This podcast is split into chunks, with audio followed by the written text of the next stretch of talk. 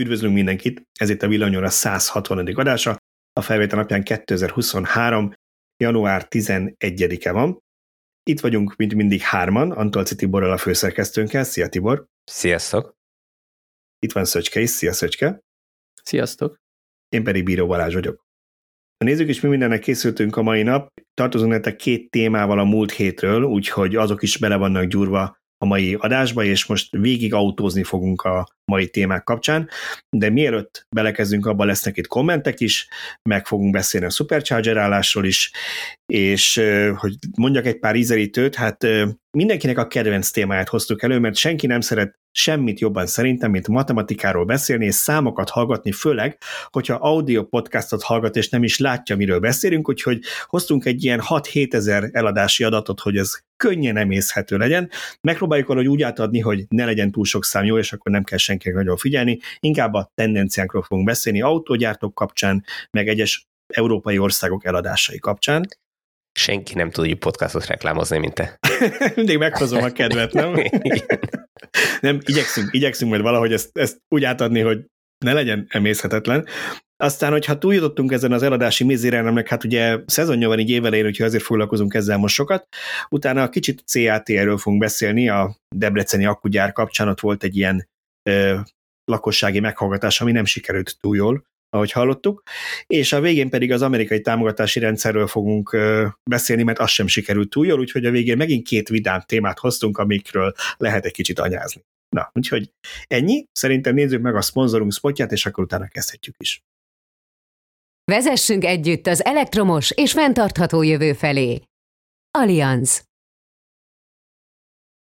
jó, hát akkor induljunk szerintem, kezdjük a kommentek előtt a Supercharger szavazás állása, most már ilyen standard rovat lett, mint Szöcskének a Hol szűnt meg az ingyenes parkolás című rovatja, ami a héten képzeltek el sehol nem szűnt meg, úgyhogy nincs új hírünk, de hát még mire, mire az adásban vagy még bármi történhet, vagy feliratozzuk.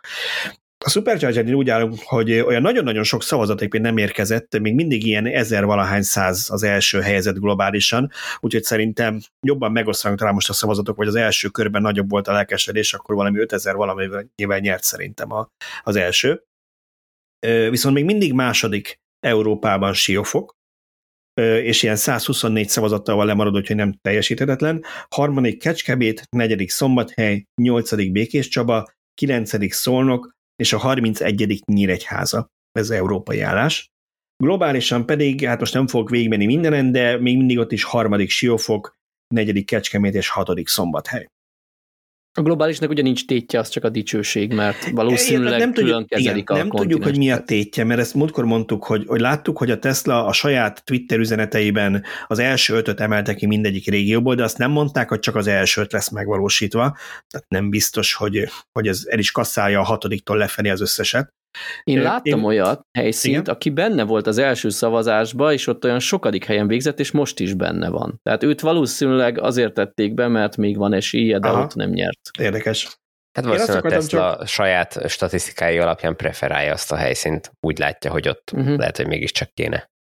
Nem tudom, ezt én is csak tippelem. Viszont nekem azt mondta a kontaktom, teszlás kontaktom, hogy ezek nagyon fontosak itt a jó eredmények. Tehát, hogy én azt feltételezem, nem részletezted, azt feltételezem, hogy a főnökeinek, ugye ő Kelet-Európáért felel, a főnökeinek ezekkel a számokkal sokkal jobban el tudja adni azt, hogy, hogy ide akkor kell töltő, mint hogyha ő csak rábök a térképre, és azt mondja, hogy ő ide szeretne rakni. Szegényt hogy ki fogják rúgni, amikor kiharcolja a rengeteg magyar Supercharger helyszínt az ingyenes időszakban, bevezetik a fizetős rendszert, és mondod, a kutya nem tölt rajta. Én azt akartam csak mondani, hogy ugye nagyon rámentünk itt a promózás kapcsán, mint legalábbis fizetnének ezért, sajnos nem. Nagyon rámentünk a promózás kapcsán, hogy hogy ugye siófok, lehetne akár első is, én viszont pont emiatt nem ezekre koncentrálnék, ne utálnak engem a siófokiek, hanem valakinek még van száraz puskapora, én azt mondanám, hogy inkább ilyen, nem tudom, Békés Csaba, Szolnok, ezekre előjel, mert, mert ők azok, akik a top 5-ön kívül vannak, mondjuk Szombathelyen negyedik helyen még úgy viszonylag közel van, lehetséges, hogy, hogy főleg a kelet-magyarországi helyszíneknél azért de Szolnok térsége, hát ott, ott nagyon elférne egy, egy supercharger, úgyhogy nem biztos, hogy mindenki arra kell, hogy rámenjen, a Siófok első legyen. Jó, az a második hely is ugyanúgy megcsinálják, mintha első lenne, viszont lehetséges, hogy nem kéne, hogy kimaradjon Szolnok mondjuk a szórásból. Hát meg Nyíregyháza is. Tényleg, Nyíregyháza is. Hát, Nyíregyháza mellett, ugye, ez kicsit, kicsit nehezebb eset, igen, az, az nem, szavazat optimalizálást tudod, mint a, ahogy a Igen, csinálják. az a baj, hogy az, az zajlik most, és hat helyszín ö, van, miközben öt szavazatot adhat le mindenki, ezt így nagyon nehéz okosan megcsinálni, de, de valahogy csak meg kéne, és hogyha tényleg tudjuk ö, aktivizálni ugyanazt a kört, akik az első szavazásnál is szavaztak, akkor szerintem ez nem egy lehetetlen dolog.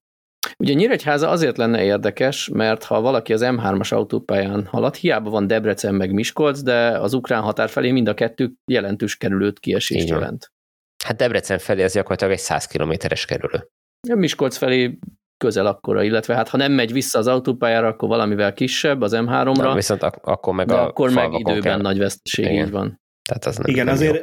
igen, azért annyit, annyit szerintem hozzátennék még, hogy ne csak azok figyeljenek erre, ne csak azok szavazanak, akinek Teslájuk van. Ugyanis tudjuk, hogy Európában már nagyon sok helyen megnyitotta a Tesla a töltőket más márkák előtt is, viszont Magyarországon még ingyenes, ezért nem nyitják meg. Na most, ahogy Magyarországon is fizetős lesz, már pedig előbb-utóbb biztos az lesz, akkor biztos, hogy ebben itt is meg fogják nyitni. Tehát ez másoknak is jó lesz, akik ezen az úton közlekednek, és mondjuk más márkájú autójuk. Így van, és akkor, akkor jól fog jönni majd ez a Tesla regisztráció, amit most a szavazás miatt kell megejteni. Hát főleg, hogy nem 50-es töltőket fognak lerakni, hanem 250-es V3-as superchargereket, amivel azért mindenki Nem is ez a lényeges, jár. hogy nagy teljesítményű töltőket tesznek le, hanem hogy nem kettőt, meg hármat hanem, tesznek le, igen, négyet, hanem sokat. És bátran oda lehet menni egy ilyen helyszínre, mert szinte biztos, még az ingyenes időszakban is majdnem mindig lehet találni szabad töltőt, pedig hát aztán most tényleg boldog-boldogtalan ott tölt, de ha, ha fizetősek lesznek a töltők, akkor biztos, hogy lesz szabad töltő, még akkor is, ha két-három autó éppen tölt. Jó, térjünk is át a kommentekre, hogy haladjunk kicsit a programmal. Megint négy kommentet választottam ki, nagyon szépen köszönjük mindenkinek, aki írt. Az első az egy kicsit tág, és itt most kérjem az orokat, hogy használjunk önkontrollt, mert egy olyan témát dobok valamiről nagyon sokat tudnánk beszélni, de két kommentelő is más-más irányból, de azt kérte, hogy beszéljünk meg kicsit ezekről a V2X, így írtam fel magamnak rendszerekről, tehát tudjátok arról, amikor az elektromos autó nem csak fogadni tudja az áramot, hanem a saját akkumulátort még vissza is tudja tölteni utána a háztartásnak, vagy egy másik autónak, vagy egy valami háztartási eszköznek az üzemeltetésére, Eh, hogy mi erről a véleményünk, és ez megoldás lehetne mondjuk a napelemeseknek otthon. Szöcske? Én nagyon szimpatizálok ezekkel a rendszerekkel, de nem a napelem megoldása miatt elsősorban, hanem én az ilyen vészhelyzeti megoldások. Tehát én például szeretek kempingezni, és tök komfortos lenne, ha ott van egy 3 kW-os konnektorom a kempingtől függetlenül, a kempingházatától függetlenül. Nálunk ugye, ez már részben kapcsolódik a napelemhez, viszonylag labilis az elektromos hálózat itthon, és amúgy rengeteg minden elektromosan működik, tehát nem tudunk, arra, arra eszméltünk, hogy nem tudunk egy teát főzni, ha éppen áramszünet van, tehát nagyon-nagyon sokat jelentene itthon az, az ilyen helyzetekben, és sajnos amilyen a hálózat, valószínűleg ez egyre több helyen, egyre gyakrabban fog megjelenni az ilyen leállás, tehát ezek, ezek miatt tartom igazán előnyösnek, fontosnak. Azt, hogy hogy kibalanszolnák a, a napelemes csúcsokat, ahhoz nagyon sok autó kéne. Egy távlati jövő az is jó lehet, hogyha feltételezzük, hogy mindig kellően sok elektromos autó csatlakozik ahhoz a hálózathoz, hogy, hogy ezek képesek legyenek így besegíteni, de szerintem az még nagyon távoli. Igazából akkor te arra gondolsz, hogy a Vehicle to Load, meg a Vehicle to Home, tehát a V2L, meg a V2H az, ami rövid távon megvalósítható.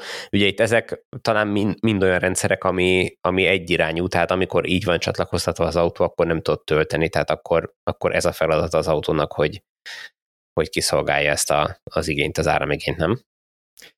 Hát ö, igen, alapvetően igen, mert ugye a, most attól függ, hogy miről beszélünk. A, a, a Nissannál, a Shademo protokollnál ez csak úgy lehet megoldható, hogyha a töltő maga vezérli ezt, tehát ott ott szerintem kényszerűségből váltogathat az irányok között, hogy épp be vagy kitárol az akuba. Hát mert az a vehicle to grid rendszer. Igen, igen, de az ugye felhasználható ilyen otthoni áramforrásként is, ha neked van egy ilyen töltő, de nem vagy feltétlenül kötve a hálózathoz. Hát igen, az egy, de az egy nagyobb csoport, az de egy az alapvetően így van, az, az alapvetően egy nagyobb szolgáltatás, ami költséges, mert meg kell venned egy eléggé drága speciális töltőt, ami biztos, hogy ilyen millió forint feletti költségbe kerülne jelenleg már csak a demo csatlakozó magas ára miatt is, de ha a másikat nézzük, amit ugye tudnak a, a koreai autók gyárilag, illetve az MG is tudja, hogy a, a Type 2-es csatlakozóra dugsz be egy adaptert, ott nyilván, mivel oda épp egy adapter dugtál be, nem tudod egyszerre bedugni a töltő csatlakozóval majd jönnek a, jön az igény az elosztóra, hogy miért nem lehet egy... Hát egyébként érdekes, mert ugye ezekben az autókban van egy belső konnektor is, ami talán kisebb teljesítménnyel terhelhető, vagy ott van a Hondának is a belső konnektora, tehát ott végül is csatlakoztatva lehet a bekapcsolt autóra belülre egy, nem tudom, vízforraló, hogy teát főz, kívül pedig az autó töltőre, és akkor ha épp van hálózat tölt, de, de ezt így nem tartom annyira észszerűnek, tehát szerintem ez... Igen, az a helyzet, hogy én is azt érzem, hogy ahhoz, tehát ahhoz, hogy elterjedjenek ezek a rendszerek, amik a hálózatot segítik kibalanszolni, ahhoz kéne, hogy legyen szabványosítva a CCS protokollban ez a működés, már pedig nincs. Tehát a Shademo-ba ezt megcsinálták a japánok 10, 15 évvel ezelőtt, a CCS-be azóta sincs, és nem is látni, hogy ez, ezt, ezt elfogadnák és bevezetnék. Annélkül pedig hát nem lehet ilyenre építeni tényleg. Nem tudom, nekem kicsit hát ambivalens vagyok ezzel kapcsolatban. Egyrészt olyan szempontból értékelni tudnám, hogy nálam ugye minden elektromos a fűtés is, tehát hogyha mondjuk télen van egy áramszünet, egy 12 órás, mert olyan hóvihar volt, vagy nyáron, mert most inkább nyáron valószínű a hóvihar, akkor lehet, hogy nem, len, nem jönne rosszul, hogyha mondjuk rádugnám az autót, ami mondjuk 55 kWh vagy 50 kWh delej, és akkor azról tudnám működtetni a házat akár napokig fűteni. Tehát ilyen szempontból ilyen biztonsági tartaléknak elmenne. Arról még mindig nem vagyok meggyőződve, hogy és ugye én rossz például nekem LFP-s autómban, de hogy egy NMC kémiával én ezt nagyon szeretném rendszeresen napi szinten játszani. Gyakorlatilag az autó használt, mert mondjuk hetente egyszer vagy kétszer tölti az ember, mondjuk napi szinten mindig, mindig lemeríteni, tölteni ezzel, mert nem biztos, hogy az erre volt tervezve, vagy ehhez. Tudom, hogy a csomó ilyen otthoni energiatermeléshez használni, viszont azt meg csak arra veszed, és csak arra használod. Szóval nem vagyok benne biztos, hogy ez jó. A másik része meg ez a, ez a kemping és hasonlók, ugye én is kempingezek, de mondjuk én ilyen épített kempingekbe járok. Ha valaki olyan helyre jár, hogy tényleg ugye természet lágyölére, de milyen jó lenne egy kávét főzni, vagy a gyereknek megmegíteni a kaját, és arra jó, arra, arra praktikus lehet ilyen szempontból. Mondjuk akiknek valószínűleg ehhez olyasmi autójuk is van, tehát vagy mondjuk ilyen tényleg, ténylegesen SUV, vagy mondjuk valami pick-up, vagy hasonló azért azt megnézném, hogy a, ahogy elmúlik a Novum, miután valaki megvette az ilyen autóját, most is hogy pár ilyet mellett kapni, hogy van statisztikát előbb mondjuk egy évvel később havonta hányszor használja ezt a funkciót. De ilyen vésztartaléknak elmenne. Igen, de tehát ennek nem azért van értéke, mert minden nap használod, hanem baromi ritkán használod évente háromszor, de abban a három alkalomnál nagyon nagy segítség volt, én úgy gondolom, hogy lehet olyan szitu, hogy nagyon nagy segítség. Igen, az a helyzet, hogy most a, a te példád ugye egy relatíve extrém, mert nálatok többször előfordul ilyen jellegű áramszünet, és, és emiatt szükséged van rá, de én idejét sem tudom, hogy mikor volt olyan utoljára, amikor nyilván elő-előfordul, hogy elmegy az áram, sőt, van, amikor ugye tervezett uh, leállás miatt nincs áram órákon keresztül, de most azt többnyire kibírjuk azt a néhány órát. Nyilván meg lehet oldani, de most én tudok például egy tök aktuális példát, még így a karácsony előtti időszakban baráti társasággal Óhutára mentünk el, és néztük, hogy oda fogunk eljönni, egy hétvégét töltöttünk ott így tényleg nagyon sokan, ilyen nyolc család, és előtte valamikor szerdán volt egy vihar, és a hegyen kidőlt egy villanyoszlop, és olyan sáros, havas, dzsuvás volt az idő, hogy az áramszolgáltató egyszerűen nem tudta megközelíteni, hogy gyorsan kijavítsa a hibát, és körülbelül három napig, ilyen szerdától péntek délutánig a teljes településen, illetve ez ugye három település összeolvadása mondjuk, nem volt áram, és úgy oldották meg az áramellátást, hogy odavittek egy dízelgenerátor teherautóval, abból rátápláltak a falu egyik felébe, de, de azt nem tudták megoldani, nem tudtak eleget vinni, felváltva volt áram. Tehát 8 órát volt áram a egyik település részen, 8 órát a másikon, stb. Tehát azért én nem azt mondom, hogy ez mindennapos. Na de ha ilyenkor neked ott parkol egy amúgy feltöltött autód, akkor az eléggé megnöveli a komfort. Kérdés, hogy ne, neked mennyit ér meg ez, hogy, a, hogy évente egyszer-kétszer elő tud venni, és, és és hát kérdés, hogy ez mennyibe kerül. Tehát ennek, ennek, amennyire én tudom, nincs igazából, vagy, vagy elhanyagolható felára van. Tehát ha, ha épp olyan autót, olyan típust veszek, ahol ez lehetséges, ott én nem láttam az árlistán erre külön árat, hanem bizonyos felszereltségi szinthez jár ez a funkció. Most ott nyilván el lehet gondolkodni, hogy veszek egy millióval többet bőrüléses autóért. Én úgy gondolom, hogy egy ilyen néhány százezer forintot, ilyen 3-500 ezeret én kifizetnék érte, ha ez egy egyedi extraként lenne megvásárolható. de persze nyilván, aki meg olyan helyen lakik, hogy soha életében nem tapasztalt ilyet, az valószínűleg nem fizetnék. ki. Balázs, mennyit, mennyit adnál érte? Mennyit adnék érte? Hát ilyen biztonsági funkció. Most nézd, hogy harba gondolok be, hogy egy akkumulátort venni, mondjuk egy 10 kWh csak nem is ennyi itthonra, az mondjuk két-két fél millió forint, minden a BMS-sel mondjuk két és fél millió. Jó, de azt az másra is tudod használni. Igen, akkor lehet, hogy nekem hogy fél millió forint is megérne az, hogy itt van egy ilyen biztonsági funkció, de azért ugye ez megint csak az elmélet meg a gyakorlat, hogy én is azt mondtam az előbb, hogy hát, hogyha van egy 50 kWh az aksiban, akkor az napokig tudok fűteni, és ha csak 10 van, mert épp nem töltöttem fel az autót. Tehát, hogy pont úgy van áramszint, hogy te előtte feltöltötted, meg egyébként, ami benne van az autóban, azt nem arra akarod tartalékolni, hogy na de mi van, ha mondjuk most rosszul lesz a gyerek, és el kell vinni valami orvoshoz, hogy gond van, vagy el kell menni valahova valamit intézni, és nem akarom lemeríteni azzal, hogy megy a rezsó otthon. Szóval lehetséges, hogy megvan azok annak, hogy erre jobb egy otthoni dedikált állandó akkumulátor, ha valaki ilyen helyen lakik, de én mindig azt mondom, hogy vészhelyzetre, tovább is azt mondom, hogy jó, jó ötlet lenne, pláne ha igazából nem kerül sok mindenbe, mert mondjuk a hyundai se ettől nem 10 millióval drágább az autó. Na menjünk a következő témára, mielőtt mondtam, Pedig hogy volna még mondani. Alig 10 percet beszéltünk erről. A következő az, az örökzöld töltés és, és áremelkedés téma kapcsán csak jött egy példa arról, hogy hogy valaki a Budaörsi Osán 50 kW DC töltőn töltött január 5-én, mert muszáj volt, mert nem ért volna haza. 100 kilométerre volt energia 11.500 forintjába került.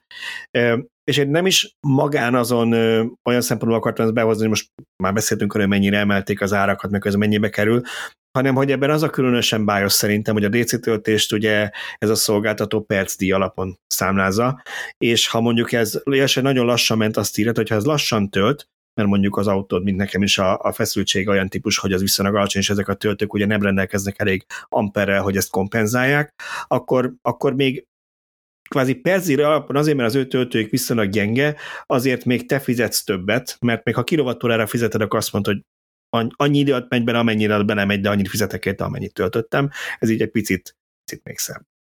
Hát figyelj, erre én két dolgot tudok mondani. Egy, milyen jó, hogy az Osannál töltött, és nem mellette a Decathlonnál, mert ott kétszer ennyibe került volna ugyanennek a cégnek a töltőjén. Kettő, ha ez ennyire sokba került, és, és muszáj volt, hogy töltsön, akkor miért töltött bele 100 kilométerre való energiát, miért nem csak 10-re, ha tök üres volt az akuja, és állt át egy környékbeli kilovattóra elszámolású töltőre, hiszen azért a, nem azt mondta, hogy nem tudom én, most pont nem látom a plugshare, de mondjuk Máté Szalkán töltöttem, ahol 100 kilométeres körzetben ez az egyetlen DC töltő, hanem Budaörsön, ahol szerintem egy tucat egyéb töltőt lehet találni 10 kilométeres körzetben. Tehát hát azért ez valahol egyéni nem biztos, hogy, kérdés, hogy nem fájt eléggé, akar... hogy Igen, de nem akar mindenki az időt tölteni, akkor most itt kiálltam oda, töltök, de csak annyit, hogy egyébként a következik, azt megkeresem, megint oda megyek, ott is töltök, miközben valahol már lennem kellene, tehát azért... Persze, igen, ezt így is lehet magyarázni, de, de akkor meg nem panaszkodok, mert ez azért, oké, okay, nagyot emelt a szolgáltató, de részben a saját döntésem is volt, hogy nála töltök úgy gondolom. Tehát Tudod, ha... van, van, az, aki, van az, aki elmegy a város másik végére a másik áruháza, mert 10 forinttal akciósabb ott a sárgarépa, minden más meg megvesz itt, és akkor van, aki meg azt mondja, hogy inkább kifizeti egy helyen, mert ő nem fog rohangálni három. Jó, de aki ez, kifizeti ez egy helyen, akkor ne panaszkodjon, hogy drága. Igen. Van, úgy attól, hogy panaszkodik, hogy drága volt, hidd el Jó, hát akkor viszont körbeért a dolog, mert akkor ez egy általános panaszkodás, semmi köze a Társadalmi problémát találtunk, igen. Így van, így van. Pontosan. Oké, okay, következő hírünk az társasházi, bocsánat, akart erre van mondani, Tibor, mert te nem, nem. voltál benne ebben a körben. Jó, társasházi töltés kapcsán csak azért hoztam ezt megint csak elő, mert ugye erről beszéltünk, de valaki felhozott egy pontot, amit szerintem nem árt, hogyha megint átbeszélünk, hogy azt mondta, hogy hát ő, ő nem is érte, hogy közös villanyra tenni a töltőt a háznak a közös órájára, és akkor ott amennyit a kapacitás enged, mindenki RFID-ba indítja, nem írta be, de nyilván nem is mondjuk, hogy teljesítmény megosztással még az is működik, hogy akkor a házba, ha bekapcsolják a liftet vagy, vagy a lámpát, akkor az ugyanúgy mehet az autó kap kevesebbet, ez nem egy nagy vassziz, az 50 ezer forintba került az én töltőmnél is. Csak ezzel ugye az a gond, hogy ehhez az kell, hogy a ház ezt jóvá hagyja. Nem az a gond, hogy ez műszakilag nem kivitelezhető, hanem nálam is, amikor annó ezt engedélyt akartam rá kérni még, amikor társaságban voltam, kb. az volt a hozzáállás, hogy rendben, oké, okay, engedélyezzük, de mi ezzel semmit nem akarunk foglalkozni, szereltes fel saját magadnak egy órát, hogy, hogy neked ez mennyivel többek, az minket nem érdekel, ez a te egyéni problémád, örülj neki, hogy megengedtük, de mi egy kis nem fogunk mozdítani, hogy ez egyszerű vagy olcsóbb legyen. Hát igen, ez most egy iszonyatosan önző hozzáállás, majd kíváncsi leszek, amikor három év múlva, meg öt év múlva, amikor minden másod parkolóhelyre olyan autóval akarnak beállni, amit tölteni kéne, akkor mit fognak ugyanezek az emberek mondani? Hát én azért arra odafigyelnék, akik mondjuk saját kölcsőkön drágán képítenek valamit, hogy utána egy filére ne szállnak a vele abban, mint a társasház, majd akkor megpróbál közösen, mondják meg, hogy srácok, velem kifizettetétek azt egy millió forintot, úgyhogy most akkor mindenki oldja meg, vagy gondolja. Csak hogy Igen. ápoljuk a szomszédi viszonyokat, és tovább Hát ez, ez, egy, ez egy nagyon bonyolult kérdés, és a hány hely annyiféle. Tehát szerintem ezt mindenhol helyileg kell megoldani. Nekünk van egy Miskolci társasházban egy lakásunk, ahol nem mi lakunk, de mindegy, ott felmerült ez a kérdés, hogy lehetne oda egy töltőt, de az nem praktikus, hogy minden parkolóhelyre kiépíteni, hanem legyen egy központi helyen, de erre az volt a válasz, hogy egyszerűen nincs egy olyan hely, ahol ami parkolónak használható, mert mit tudom én, tűzoltósági felvonási terület, amit közösen lehetne, és ahol amúgy meg szoktak állni, de ők illegálisan állnak meg. Ha viszont oda tesznek egy töltőt, akkor azzal legalizálnák, hogy joggal parkolott valaki. Tehát mivel minden parkolóhely dedikált és ki van osztva, vagy mindenhová kiépítünk, vagy ugye mindenki magának kiépít, vagy nincs más megoldás. És miért nem praktikus az, hogy kiépítsenek, kiépítsetek mindenhova? Hát mert az ugye mindenkinek, tehát az, az, az mindenkinek a saját magának kéne kifizetni a költséget, a lakások villanyórájáról nem megoldható, amit meg lehetne oldani, hogy nem hivatalos, hiteles almérővel elszámolni a társasházzal. Igazából ennyire nem fájt, vagy ennyire nem akartam, hogy ebbe a részletekbe uh-huh. még így bele, belemenjek, hogy, tehát nem tudom, hogy nálunk ehhez hozzájárulnának-e a lakók, vagy sem, eddig uh-huh. nem jutottam el. De egyébként tudom, hogy van, ahol így működik, tehát például anyósomnál így működik, hogy, hogy a közösről kapja, és van egy nem hiteles, vagy egy ilyen, tehát ez a dinsínre szerelhető óra, uh-huh. és azt elfogadják, és az alapján befizet. Ugyanakkor egy másik ismerősöm, aki albérletben él, céges plugin hibridet használ, a rezsi csökkentés csökkentéséig tökéletesen működött ez a módszer, és ő befizette a nagy közös villanyszámlába, és most leszavazta a ház, azt mondta, hogy nem lehet, mert majd miatta kell többet fizetni a háznak. Ez nyilván baromság, mert igazából a ház még kereshetett is volna úgymond rajta, ha vele első perctől a 70 forintos emeldíjat fizettetik ki, a, a, a lift használata meg vagy belefér a 37-be, vagy nem, de tök mindegy, mert ha az nem lesz se maradnak, több, se kevesebb. Így van, az nem lesz se több, se kevesebb. Tehát a legrossz, ha vele a legrosszabb díjat fizettetik ki, akkor baromság, hogy nem engedik tölteni, de hát sajnos sok ember nem logikusan gondolkodik, és még egy saját ingatlanon is nehéz ezt keresztül vinni, nem még egy bérleménybe céges autóval. Igen, az igazság, hogy én a, itt azt mondanám, hogy ilyen társasházi kérdésekben tényleg a jogalkotónak kellene lépni, ezt ki kéne venni a kezükből, mert tehát nyilván azt úgy körül kéne bástyázni, hogy a társaságnak ebből kára nem lehet, nem lehet azt, hogy mondjuk ott nincs, nem marad elég áram, akkor elő kéne kötelező teljesítmény megosztó, bla, bla, bla, de az nem egy járható út, hogy mondjuk egy 70 lakásos társasházban 70 villanyórát felszereljenek, és 70-32 ampert akár csak egy fázison mindenkinek kihúzzanak. Felesleges, értelmetlen, iszonyat beruházás lenne már csak technikailag nem tudják megcsinálni. Tehát Így nem. van, tehát a, a, egy ilyen társasháznak, mint amilyenbe te is laktál, annak van egy betáp kábele, az senki nem fogja onnan kiásni és egy újat betenni, meg, meg még plusz mellé behúzni másikat, meg ráadásul sűrűn lakott helyeken egyszerűen a, a, a középfeszültségű bekötésen nem fognak tudni minden házba ennyit kiszolgálni. Tehát, hogy ez, ez, ez nem járható út. És nincs is rá egyet... szükség. Tehát ugye ez és a nincs is rá szükség. És én egyetértek a, a, a kommentelővel, hogy ezt technikailag így kell megcsinálni, és erre meg kell találni a jogi kereteket, hogy egy-két lakó, akinek soha nem lesz autója, és nem is érdekli az egész, ő ne akadályozhasson meg egy ilyen bővítést. És ugye ezt láttuk már jó pár országban, hogy erre születtek szabályok, most nem fog konkrét példákat sorolni, mert nem néztem utána, de többször írtunk már mi is róla. Általában Kalifornia meg Norvégia szokott így a tipikus példák lenni, ahol már előre haladott ez a történet, hogy ott már régóta előírták, hogy az új építéseknél kötelező, tehát azért lehetne ebbe lépni, mert mert tényleg előbb-utóbb mindenkinek ebből problémája lesz, és valószínűleg nem úgy, nem úgy, fog, nem úgy lesz, hogy az 50 lakóból hirtelen egyszerre 20 akarnak autót venni, hanem majd mindig, mindig aktuálisan kettő embernek, kettő embernek, és akkor ezt megoldva, amikor már 20-nál tartanak, de viszont lehet, hogy 18-an már egyedire megcsinálták, és mindenki másnak lesz utána sokkal drágább. Hát igen, és, és az a helyzet, hogy, hogy, hogy mit fog csinálni. Amíg gátolják egymást, addig az első 18 mit fog csinálni? A környék töltőire fog kiállni, és akkor ott fognak este veszekedni, ahogy kihasználja azt az egy töltőt, ami ott van a környéken?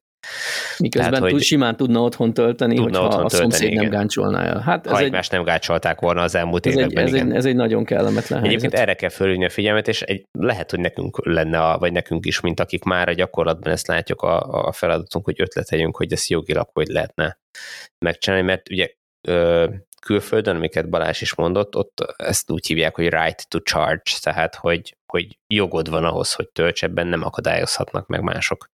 Uh-huh. Most ez egy van, van nekem dolog, egy ismerősöm, aki vezetőbeosztásban van a Magyar Elektromobilitás Egyesületnél, majd nála jelentkezem ezzel, hogy lenne egy ilyen feladat. Oké. Okay. Hát megint az elbomot promózáltak, hogy elmobot, bocsánat. Jó, Következő és utolsó kommentünk. Ezt akkumulátor... Nem csak, hogy promózza az elmobot, de hogy még a csalánt is osztogatja, tehát hogy... De, de az nem is ő lenne, ha nem osztogatná. Tehát. Igen. szóval, utolsó kommentünk most, akkumulátorok elromlanak-e kategóriában valaki azt írta, hogy neki a Model 3-ban egy Dán, mondom, hogy magyar, mert magyarul válaszolt, vagy egy Dán, aki nagyon jól beszél magyarul, hallgatónk, aki azt mondta, neki a Model 3-ban romlott el az akuja, és szervizben áll most már kettő hónapja, és tesztásan természetesen nulla tájékoztatás van, és várja, hogy cseréljék az akut. Valaki megírta, hogy ő Dacia-t is ismer hasonló cipőben, meg van egy iApostory ugyanez, hónapok óta cserére vár az autónak az akuja, tájékoztatás nulla, bocsánat, kérés nuku. Ugye erről többször beszéltünk, hogy sajnos az autógyárak az elérhető okokat mindig új autókba szeretnék tenni, de hát azért az csak nem megoldás, hogy akinek megcserélni kell, annak meg nem adnak. Hát sajnos ez nem egyedi jelenség, ezt Nissan-nál hallottam, taxikáltak sokáig korábban hibás akkumulátorokkal itt Magyarországon Nissannál, és viszont az, az nekem újdonságnak tűnik, hogy nem nagyon hallottam eddig, hogy Model 3 akkumulátor hibás legyen. Hát bármi lehet hibás, meg ugye azt tudjuk, hogy Nyilván lehet, nem hogy igazán... én nem találkoztam vele nem, nem igazán javítgatják. Tehát azt tudod, hogy ha az a ritkább, amiről annó te beszámoltál meg, amiről aztán videó is készült, hogy egy modult, vagy egy cellát, vagy valahogy így cserélnek, inkább az szokott lenni, hogy fognak, kapnak egy, kapsz egy új aksit, és, és, és elviszik, aztán azt majd újra hasznosítják, vagy esetleg felújítják. A, a Tesla-nál konkrétan az történik, hogy amit kiszerelnek akkumulátort, ahelyett egy teljesen újat kapsz, de az nem új akkumulátor, hanem egy felújított, egy másik autóból korábban kiszerelt, és azt a nem tudom, két tranzisztort, vagy két ellenállást, vagy két kondenzátort, nem tudom, hogy mi az, ami tönkre megy benne, bármi, azt, azt kicserélik filéres dolog, és utána megy vissza az akkumulátor az De ez, ez racionális, hogy ne várjon Abszolút. az ügyfél autója addig, amíg keresik ott a hibát, stb. Így van. Jó a Kuber, rossz a kuki, aztán majd, ha ráérünk, akkor a háttérben megcsináljuk. Én úgy gondolom, hogy itt ketté kell választani ezt a problémát, vagy ezt a témát. Az egyik az az, hogy elromlik-e az akku. Hát nyilván bármi el tud romlani, nem feltétlenül maga az akku romlik el és gyullad ki, bár sajnos ilyenre is láttunk példát, hanem ott van valami olyan alkatrész, nem tudom, a BMS-be egy chip, ami feladta, minden el tud romlani. A ettől független probléma pedig az ügyfélkezelés, hogy ha két hónapot áll emiatt az autó, az nagyon nagy baj, de ez meg nem elektromos autós meg akus probléma, mert azért hallani rémtörténeteket hagyományos autók szervizeléséről is, főleg, hogyha valami olyan, nem tudom, exotikusabb példány, amiből nem gyártottak le kismillió darabot, vagy nem európai gyártású autó, és akkor ott tényleg sok időt kell várni, míg a ázsiai még vagy amerikai helyszínen. Még az európai gyártásúaknál is. Hát itt volt a, a 2018-as leaf az előző Leaf. Vagy az egyel előtti volt? Nem is tudom, mindegy, valamelyik Leaf a kettő közül. Ugye az a nagy kiegyenlítő készül, tartály. tudom, ugye? Csak hogy aki nem tudja, aki nem tudja, hogy miért mondod, hogy európai gyártású, mert a Leaf-et itt Így Európának van. azt nem Japánból hozták, hanem a briteknek készül. Így van, Sunderlandben készültek ezek az autók, és ez az a típus, akkor, amikor ez a probléma volt a kiegyenlítő tartályával, ami, ami a ragasztásnál szétnyílt, egyébként egy műanyagos valószínű egy óra alatt megcsinálta volna 5000 forintért. Itt, mivel garanciális volt az autó, rendeltek hozzá egy új ilyen tartályt, és emiatt ugye biztosan nem biztos ne, hogy a, a hűtés miatt gond legyen az autóban, egy hónapig nem tudtam használni a kocsit. Egy hónap volt, mire a Sunderlandi gyártású autóhoz az éppen gyártásban lévő sorról kivegyenek egy ilyen tartályt, és elhozzák ide, és beszereljék. Miközben, ez... miközben ott nem tudom én, havi több tízezret vagy ezret Igen. építettek be új autókba. Igen, tehát itt nem, nem arról volt szó, hogy itt most ez egy, ez egy ritka alkatrész, vagy, vagy ez nem elérhető a kontinensen, vagy mit tudom én, hanem ez itt van, létezik. Csak logisztikailag ezt valószínűleg nem volt egyszerű megoldani, és nem, nem volt érdekük, hogy ezen kapkodjanak. És ez baj. Ez baj, ezzel a vidám átvezetéssel. Ez, ehhez nagyon térjünk át, térjünk át a, az eladási adatokra, ami viszont nem baj, na, csak megfojtom, hogy, hogy minden gyártó arról számol be igazából az elektromos eladásai növekednek. Úgyhogy kezdjük először a gyártók oldaláról, most már van egy pár így éven akik akik lejelentették, hogy mennyi is volt az annyi. Kezdjük a Teslával, igyekszek nagyon kevés számot mondani. Ez maradt Igaz, el múlt hétről. Ez maradt el múlt hétről, úgyhogy ők még január másodikán jelentették az be, hogy 400 5000 autót szálltattak le a negyedik negyedében, és így összesen tavaly 1 millió 313 ezer autót szálltott le a Tesla, ami 40 os növekedés volt. Nem másfél millióról volt szó? Nem másfél millió volt szó, 50% os növekedést ígértek, ugye az, ugye az volt már ideje, jó pár éve a Tesla-nak a, a hivatalos tájékoztatása, hogy átlagban átlagban 50%-os növekedést vállalnak éves szinten. Ugye előző évben valami 80 valamennyi százalékos volt a növekedés, most meg Aha. 40. Tehát akkor most, meg a köv, tehát hogy 2022 meg 2023-ban akkor, hogy az átlagot hozzák, akkor kevesebb lesz, mint 50 százalék? Voltak ennek olyan értelmezései, hogy biztos arra gondoltak, hogy amit, amikor ezt bejelentették, azt hiszem 20-ban, amikor jött az első ilyen guidance, hogy mennyi lesz a növekedés, azt szorozták mindig 50 és azt kéne csak elvárni tőle, nyilván ez nem így működik, mindenki a piac is az előző évére számol mindig az 50 százalékot, tehát ha előző évben túl teljesítik, saját magukat vágják a fát, mert most már annak kell az 50 százalékon nagyobb számát lehozni, különben csalódnak a befektetők. Nyilván hát ezt Most ugye... mit mondjak erre? Tehát ők, ők tették ezt az ígéretet, ezt a Nyilván, nagyszerű dolgot, mint az önvezető saját, autóval. Saját magukat rúgták igen. lábon, úgyhogy, de igazából itt az, az volt talán, a, amit, amiről beszéltünk, hogy, hogy ugye itt azért volt a negatív reakció, nem csak a 40% miatt, hanem mert hogy Kínában évvége felé csökkentek az eladások, és és ugye ez, ami miatt csomóan aggódtak, hogy na akkor mostantól senki nem vesz majd Teslát, úgyhogy január elején, január 6-án azt hiszem árakat is csökkentett a Tesla most már Kínában, és minden eddiginél olcsóbbak lettek az autóik. Állítólag az első, most a legfrissebb hírek szerint az első három napban 30 ezer megrendelés érkezett, ami nagyon jónak számít, meglátjuk ebből mennyi marad, de nyilván ott, ott egy árcsökkenéssel tudták megoldani azt, hogy továbbra Na jó, de ott be is verték a Tesla szalonok kirakatát, akik korábban megvették drágábban.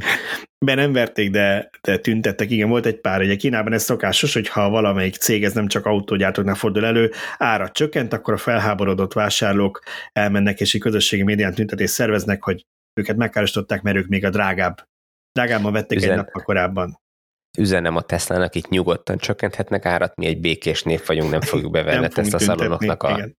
Na majd beszéljünk kirakatát. erről a békés népségről a Debreceni sztorinál néhány perccel később. Na, de akkor, akkor várnám az urak véleményét, mert én már kiírtam magamból, amit erről mondani akartam. Tesla 1 millió 300 ezer autó, 1 millió 310 ezer tavaly, kevés sok, örülünk neki, nem örülünk neki, Hát Többet, ezek még mindig van, mindig van hely a Mariana árokba, tehát lehet önteni bele az autókat. Nem tudom, hát nyilván ez egy, ez, ez szerintem mi mindannyian vártuk és, és elvártuk, ezt ez a, a minimumot hozta a Tesla, a túl nagy meglepetés nem okozott. Nézzük, hogy a többiek mit csináltak. Szöcske? Én sem nagyon tudok ehhez mit hozzáfűzni igazából. Szép, de hát soha Úgy nem érzem, vagyunk elégedett. többet várt tőlünk. Az ember, az ember olyan, hogy soha nem elégedett. Tehát ha most 1 millió 800 lett volna, akkor azt is mondanánk, mondhatnánk, hogy miért nem lett 2 millió. Nem, oké, okay, hogy, hogy perspektívába helyezzük ezt az egészet, ugye itt most már kezdi elérni a Tesla azokat a, a jól ismert neves automárkákat, most még hogyha nem közelíti meg azért, de hogy, hogy nagyon jól halad abba az irányba, akik mondjuk ilyen két-két és fél milliós darabszámokat gyártanak, és megbecsült márkának tűnnek a, a piacon, mit tudom én, több tíz vagy akár közel száz éves múltakkal itt, hogyha így nézzük, akkor ez azért egy nagyon-nagyon jó eredmény. Minket nem lep meg, mert számítottunk rá. Ennyi. Oké, okay. na akkor ezt az 1 millió 300 ezer eladott elektromos autót, tiszta elektromos autót így észben tartva, akkor nézzük a, a többi Jaj, te most minden, mindenkinek be akarsz szólni, hogy a többiek nem, összesen csak, nem tudtak ennyit. Én csak felolvasom a számokat, azért vártam a reakciótokat, hogy elmondjátok, ez mennyire rossz szám, és mennyire pocsék, és akkor mondjuk a General Motors, ami egy egy a Tesla-nál állítólag nagyobb autógyártó, meg nagyon régi, meg, meg nagyon sok millió autógyárt, ők, ők is jó évet zártak, minden eddiginél több elektromos autót adtak el tavaly, mint eddig valamikor eladtak.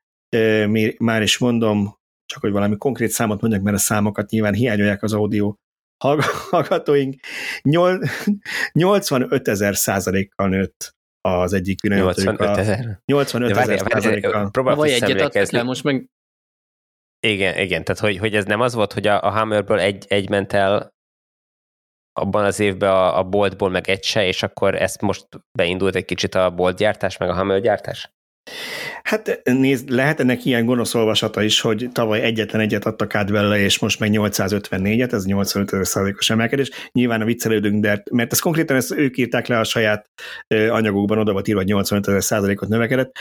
Nyilván csak valakinek nem volt, nem tudom én, annyi rajtásérzék, hogy ezt inkább kivegye ezt a sort a, az anyagból, mert csak rosszul hangzik. Ugye három elektromos modellről beszélünk a General Motorsnál, Európában jelenleg egyiket se lehet kapni, úgyhogy minket ez inkább csak érdekességképp érint.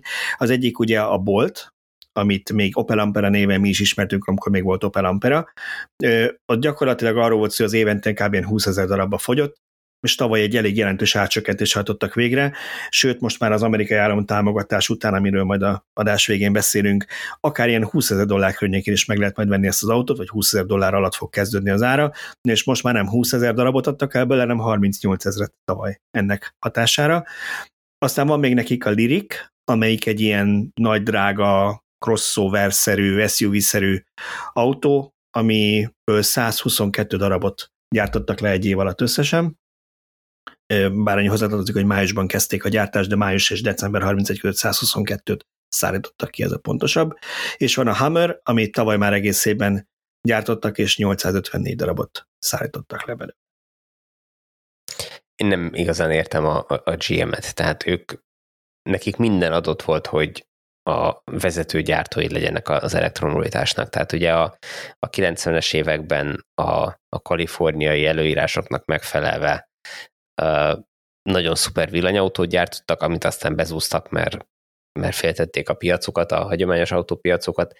Aztán, mikor a Tesla Model 3 bejelentése megtörtént, akkor ők gyorsan mindent félredobtak, hogy ők beelőszessék a Teslát a piacra lépésben, és megcsinálták a boltot, ami egyébként egy tök jó kis autó, tehát hogy egy abszolút nincs vele probléma, sőt abban az időben, amikor ezt ők piacra dobták, az egy kimondottan jó ajánlat volt.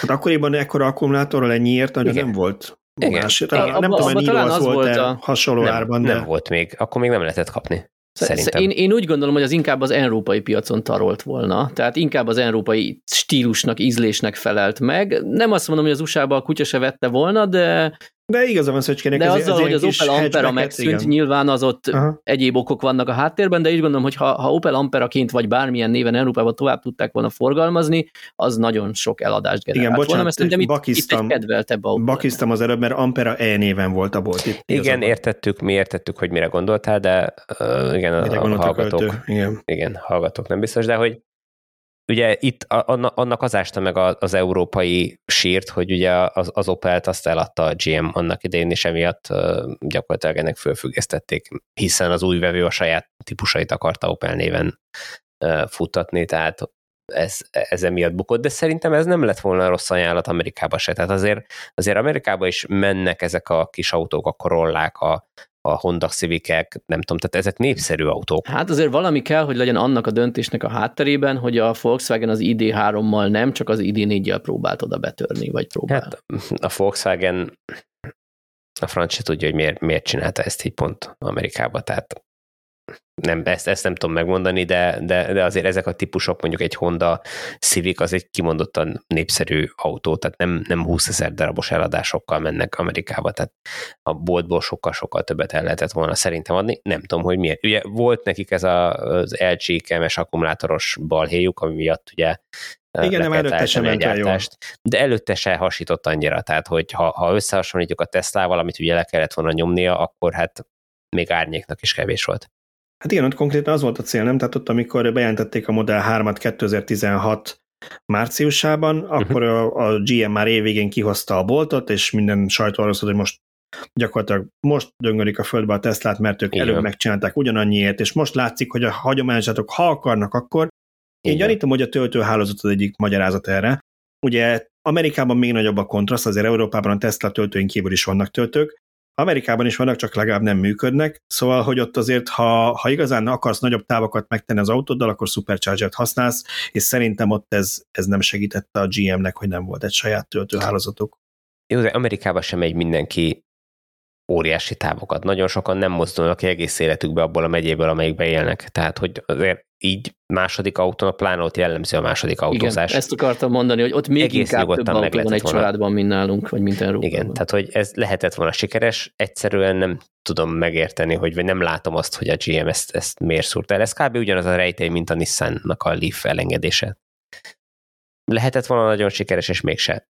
Hát ez valószínűleg ilyen politikai ok, mint ahogy a Nissannál is benne lehetett az, hogy elment az a vezető a cég éléről, akinek ez igazán szívügye volt, ugyanúgy elképzelhető, hogy a GM-nél is valami hasonló. Igen, de ha visszagondoltok, a, az amerikai autógyártók élükön a GM-mel, meg a Forddal, ugye amikor a, a 70-es években a, az olaj embargó, meg az olaj árrobbanás miatt népszerűek lettek a kisfogyasztású kicsi autók Amerikában is, a nagy batárok mellett, akkor óriási piacvesztést voltak kénytelenek elkönyvelni a, a japánok miatt, tehát a megérkező japánok miatt.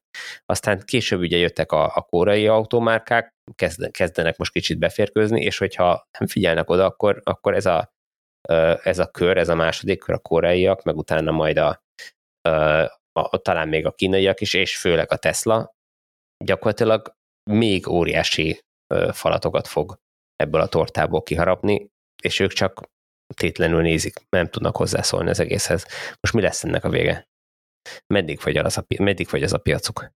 Hát jelenleg ott tartanak, csak hogy akkor a GM sztorit lezárjuk, hogy a cég eladásainak 1,7%-át tette ki az elektromos portfólió, amit nyilván nem ők írtak le, csak én voltam olyan gonosz, hogy elosztottam a számokat, mert szerintem ez érdemes perspektívába tartani, amikor egy győzelmi jelentést egy hagyományos gyártótól olvasol, hogy tök jó, hogy növekedtek, de 1,7% azért az hát arra nagyon nem lehetnek szerintem büszkék. Számos európai gyártó messze előrébb tart ennél. Ez nekem olyan szempontból is szomorú, hogy akkor nekik azért nem olyan hatalmas a teljes eladásuk. Tehát az is ott csökkent akkor egy nagyot? Tehát ennyire kevés elektromos autó ki tudott tenni egy egész hetet? Növekedett az eladásuk, ugye ez, ez csak az amerikai, ez fontos, ez csak az amerikai eladásaik, de őszintén szóval a GM ugye Európából kivonult, valószínűleg pár országban még jelen van, ugye Kínában ez egy vegyes vállalattal vannak jelen, tehát ez a Wuling Mini, ami ott ugye a mindent verő Uber kisautó elektromosban, az is a GM szereti, az az GM termék, de hát ugye vegyes vállalatban nem is tudom, hogy hány százalékok van, van több mint 50 százalékok, nem vagyok benne biztos. A lényeg az, hogy, hogy valahol még azért vannak a világon pár helyen, de alapvetően amerikai cég, úgyhogy 2,2 vagy majdnem 2,3 millió autót adtak el Amerikában tavaly, ami 2,5 százalékos növekedés volt. És azt tudjuk, hogy mennyi az összeradások a GM-nek? Azt nem, mert ez ugye még csak az észak-amerikai adat. Ugye az Aha. úgy szokott lenni, hogy van egy ilyen gyors jelentés, aztán uh-huh. amikor a pénzügyi jelentése lesz az autócégnek, akkor adnak ki részletes számokat, az még uh-huh. pár hét hónap. Jó, a következő amerikai szereplőnk a Ford, hogy a harmadik amerikait is ide vegyük. Náluk 126 kal nőttek az elektromos eladások Amerikában. Ugye a Ford azon azért már érdekesebb lesz a, a többi szám, amikor már a többi régiót is megkapjuk, bár ugye elektromos autók terén itt maximum Maki az, amit több helyen forgalmaznak, tehát Európában szerintem meg esetleg a hát tranzit az, az elektromos. Igen, de, de jó, de azért azoknak az eladásai az nem olyan darabszámban, mint egy személyautó. Még nem tömegtermék, igen. Igen, de, de még a GM-nél azt mondhattuk, hogy nagyjából ez a teljes elektromos eladásukat lefette, uh-huh. a Fordnál azért nem, úgyhogy itt már érdekes lesz, amikor megkapjuk a teljes számokat. Amerikában 61.575 darab tisztán elektromos autót adtak el, ami 3,3%-a volt a teljes eladásaiknak. Nyilván a Mustang Maki állt az első helyen, annak szépen növekedtek is a számai 45%-kal, és már közel 40 ezerrel fogyott belőle Amerikában, és volt két új termékük, amit tavaly kezdtek el gyártani, egyik az F-150 Lightning, amiből 15.617 készült, és az e-transit, amiről beszéltél, Tibor, az 6500 példányban. Most hallgattam egy podcastet a Fully Charge Plus podcastban volt ö, vendég egy amerikai ö, Fordos vezető, meg nem mondom a nevét, de nem is ez a lényeg, hanem hogy, hogy ecsetelte, és mekkora nagy sikerként írta le, hogy, hogy ö, amikor piacra dobták, a, azt hiszem a Lightingról beszélt, hogy piacra dobták a, a, a járművet, és el lehetett kezdeni rendelni, akkor hirtelen az ő számítása, vagy ő várakozásaiknak a sokszorosa befutott rendelésbe, és hát akkor elkezdte csetelni, hogy hát mennyire nehéz felfutatni egy gyártás, és hogy hát mennyire szuper csapatuk van, hogy ezt nem tudom hány hónap alatt meg tudták oldani, hogy nem tudom, kétszer ennyi gyártanak, mint amennyit eredetileg terveztek volna, vagy hogy, tehát, tehát hogy, hogy az én számomra az volt a döbbenetes, hogy annak ellenére, hogy látják a számokat, hogy a Tesla miket ad el, látják a számokat, hogy mindenki el tud adni minden autót, amit le tud gyártani elektromosból, így betervezik, ó, oh, hát majd fogy belőle biztos 15 vagy 20 ezer darab, hát most az, jó, majd azt valahogy legyártják, és kész. Tehát nem arra készülnek, hogy ebből százezereket meg milliókat gyártanak, hanem néhány tízezeres darabokkal bohóckodnak. Tehát, hogy... Ha jól emlékszem, én nem tudom, és hogy... majd valaki javítson ki a kommentekbe, aki jobban emlékszik a számokra, mint én, ha jól emlékszem, 200 ezer előrendelésről beszélt a GM a elektromos F-150 kapcsán, ami tényleg egy nagyon szép szám bocsánat, Ford, igen, Ford F-150 kapcsán. Ugye azért tudni kell, hogy fénykorában, amikor még az autóipar nem volt ilyen dögrováson, akkor ilyen 900 reket adtak el, meg volt, hogy hiszem egy milliót is, talán volt egy olyan év, ha jól emlékszem, az F-150 családból, ebben benne van az F-250 meg társai. Most tavaly 638 ezer hagyományos és 15 ezer elektromos F-150 készült. Ugye az F-150 elektromos változatát április 26-án kezdték gyártani tavaly, tehát azért volt rá mondjuk egy 8 hónapjuk, és igen, nekem is ez volt a, a döbbenet, hogy nem arról van szó, hogy egy teljesen új modell, még ha egy teljesen más hajtáslánc is, de ott az F-150-nek az elektromos verziója, magában az F-150-ből legyártottak 640 ezret, az elektromosból pedig csak 15 ezret tudtak, miközben ott állnak sorban a web. Igen, tehát abszolút nincsenek fölkészülve, és, és alul tervezték ezt az egészet. Sok év előkészület után, tehát hogy, vagy, illetve sok évvel azután, hogy, hogy már látszik a sikere az elektromobilitásnak. Ha ki tudták volna elégíteni az első évben ezt a 200 ezer megrendelőt, még ha egy kevés le is morzsolódik, akkor az F-150 adások negyedét, illetve hát ugye valaki benzinest vett helyette, tehát akár még többet el tudta Igen, az F-150 egyébként szerintem azért egy nagyon fontos autó ilyen szempontból. Egyrészt, mert az a, a szimbóluma az amerikai autógyártásnak mindig minden évben a legnagyobb darabszámban el, eladott autó. Másrészt tényleg egy ilyen benzinzabáló, hatalmas ezéről van szó, pickupról, amiből tök jó, hogy elektromosat tudnak gyártani, és szerintem ez is ilyen kapud drog lehet, hogy ha meg tudják győzni azokat a, a kétkezi munkásokat, tipikusan ez ilyen munkaautó, akik mondjuk építkezéseken, favágásnál, bármi ilyen helyen használják ezt a, vagy akár egy farmon használják ezeket a kocsikat, hogy oké, okay, oké, okay, hogy nem megy 1000 kilométert, csak 400-at, de hát az neked napi szinten tök, e, tök elég, viszont az összes elektromos szerszámodat tudod róla működtetni, meg a, meg azt hiszem van benne talán kompresszor is, tehát a, a levegővel működtetett, sűrített levegősöket is tudod róla működtetni, a, ahol dolgozol, az erdő közepén, és nem kell ezért vinned egy dízelgenerátort, nem kell vinned valami más külön. Szerintem ezt nagyon fogják szeretni. Ráadásul tök jól sikerült, csináltak be egy hatalmas frankot előre, hatalmas első csomagtartót, tehát tényleg jól megtervezték erre, úgyhogy szerintem ez egy nagyon fontos autó lesz, remélem, hogy idén már több készül. Én mondjuk azért tegyük hozzá, hogy ez szerintem ár szempontjából, bár ők azért próbálják úgy beállítani, mint hogyha ez egy elérhető áru autó lenne, azért nagy valószínűséggel nem a, a hogy mondjam, a legolcsóbb pickupokkal fog versenyezni ez az autó, tehát nem biztos, hogy az erdőbe járós kocsinak fogják megvenni. Nem hiszem, nem is horror ára van, most meg nem, nem mondom, tehát, hogy Igen, tehát, hogy ők próbáltak erre figyelni, de egyébként a, a legnagyobb selling point, amit én már több helyről is hallottam vissza, hogy ennek az autónak, hogy az, hogy vehicle to load rendszer van benne, tehát hogy van, van rajta konnektor, és emiatt kedvelik Amerikával leginkább, hiszen ott azért elég gyakran előfordulnak azok az áramszünetek, ami szerencsére nálunk az európai griden viszonylag ritka. Igen, gyorsan megnéztem közben, ez az internetnek a, a segítsége ilyenkor. 54 ezer dollártól kezdődik ez az autó Amerikában jelenleg. Na most ebből levonod még a 7500 dolláros állami támogatást, ami ugye jár erre. Az már azt jelenti, hogy mondjuk csak mennyi akkor 47 ezer, vagy annyi se, 46 ezer valamennyi, és nagyon sok államban, például a nagy pickup fogyasztó azt hinnétek valószínűleg, hogy Texasban fogy a legtöbb pickup, én egyszer megnéztem, és nem akartam, hogy Kaliforniában fogy a legtöbb pickup. A legnagyobb pickup fogyasztó Kaliforniában még külön van elég vaskos, most meg nem mondom mennyi, de ilyen több ezer dolláros támogatás elektromos autókra állami szinten, szóval elég hamar ilyen 40 ezer dollár közelébe tudsz menni. És mennyi a benzines az... változata ennek, hogy honnan indul? Hát nem tudom fejből, de, de szerintem hasonló. Tehát ott, ja, meg, akkor most meg, megnézzük ezt is, jó? Pillanat. Mond el az szóval... internet. Azt mondja, hogy a legolcsóbb az 33.700 dollártól indul. Uh-huh. Uh-huh. Tehát ott már Jó, nincs nagyságrendi Ott már nincs akkora, igen, akkora különbség, tehát hogyha valaki ebbe beleszeret, akkor ez működhet, de egyébként ezt mondta ez a vezető is, hogy bárki, akit beültettek saját ismeretségi körbe, így cégesen, hogy na, akkor vigye el és használja egy kicsit az autót, azok, azok mind beleszerettek, és nem nagyon akartak kiszállni belőle. Tehát, hogy, hogy ez egy ilyen fertőző dolog, tehát ki kell próbálni, meg kell ismerni, és utána szívesen használják az emberek. Na, ha az F-150 ekkora igény van, mi a helyzet a nagy konkurens Riviannal?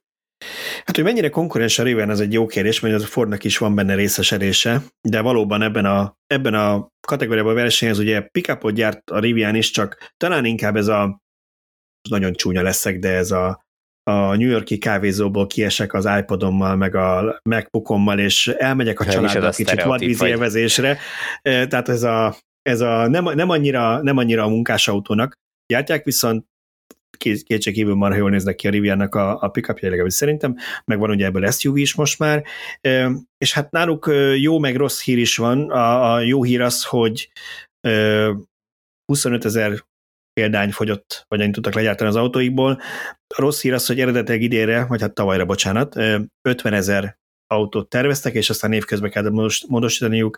Ellátási lánc problémákra hivatkoztak, amin mindig jót mosolygok ilyenkor, mert ha valaki az 1 millió 8 helyett 1 millió 700 autót tud legyártani, mert lánc gondok voltak, azt elhiszem. Ha valaki 50 ezeret se tud berendelni egy alkatrészből, akkor az már nem tudom, hogy mennyire ellátási lánc gond, de ehhez nem értek. A lényeg az, hogy ennek a felét 25 ezeret adtak el. Hát fogadjuk el, hogy ilyen kis gyártóként ők valószínűleg a táplálékláncnak a legvégén állnak, és hogyha jut még nekik, akkor, ott, akkor megkapják. Tehát, hogy valószínűleg vannak olyan alkatrészek, amiben nem szabadon gazdálkodnak.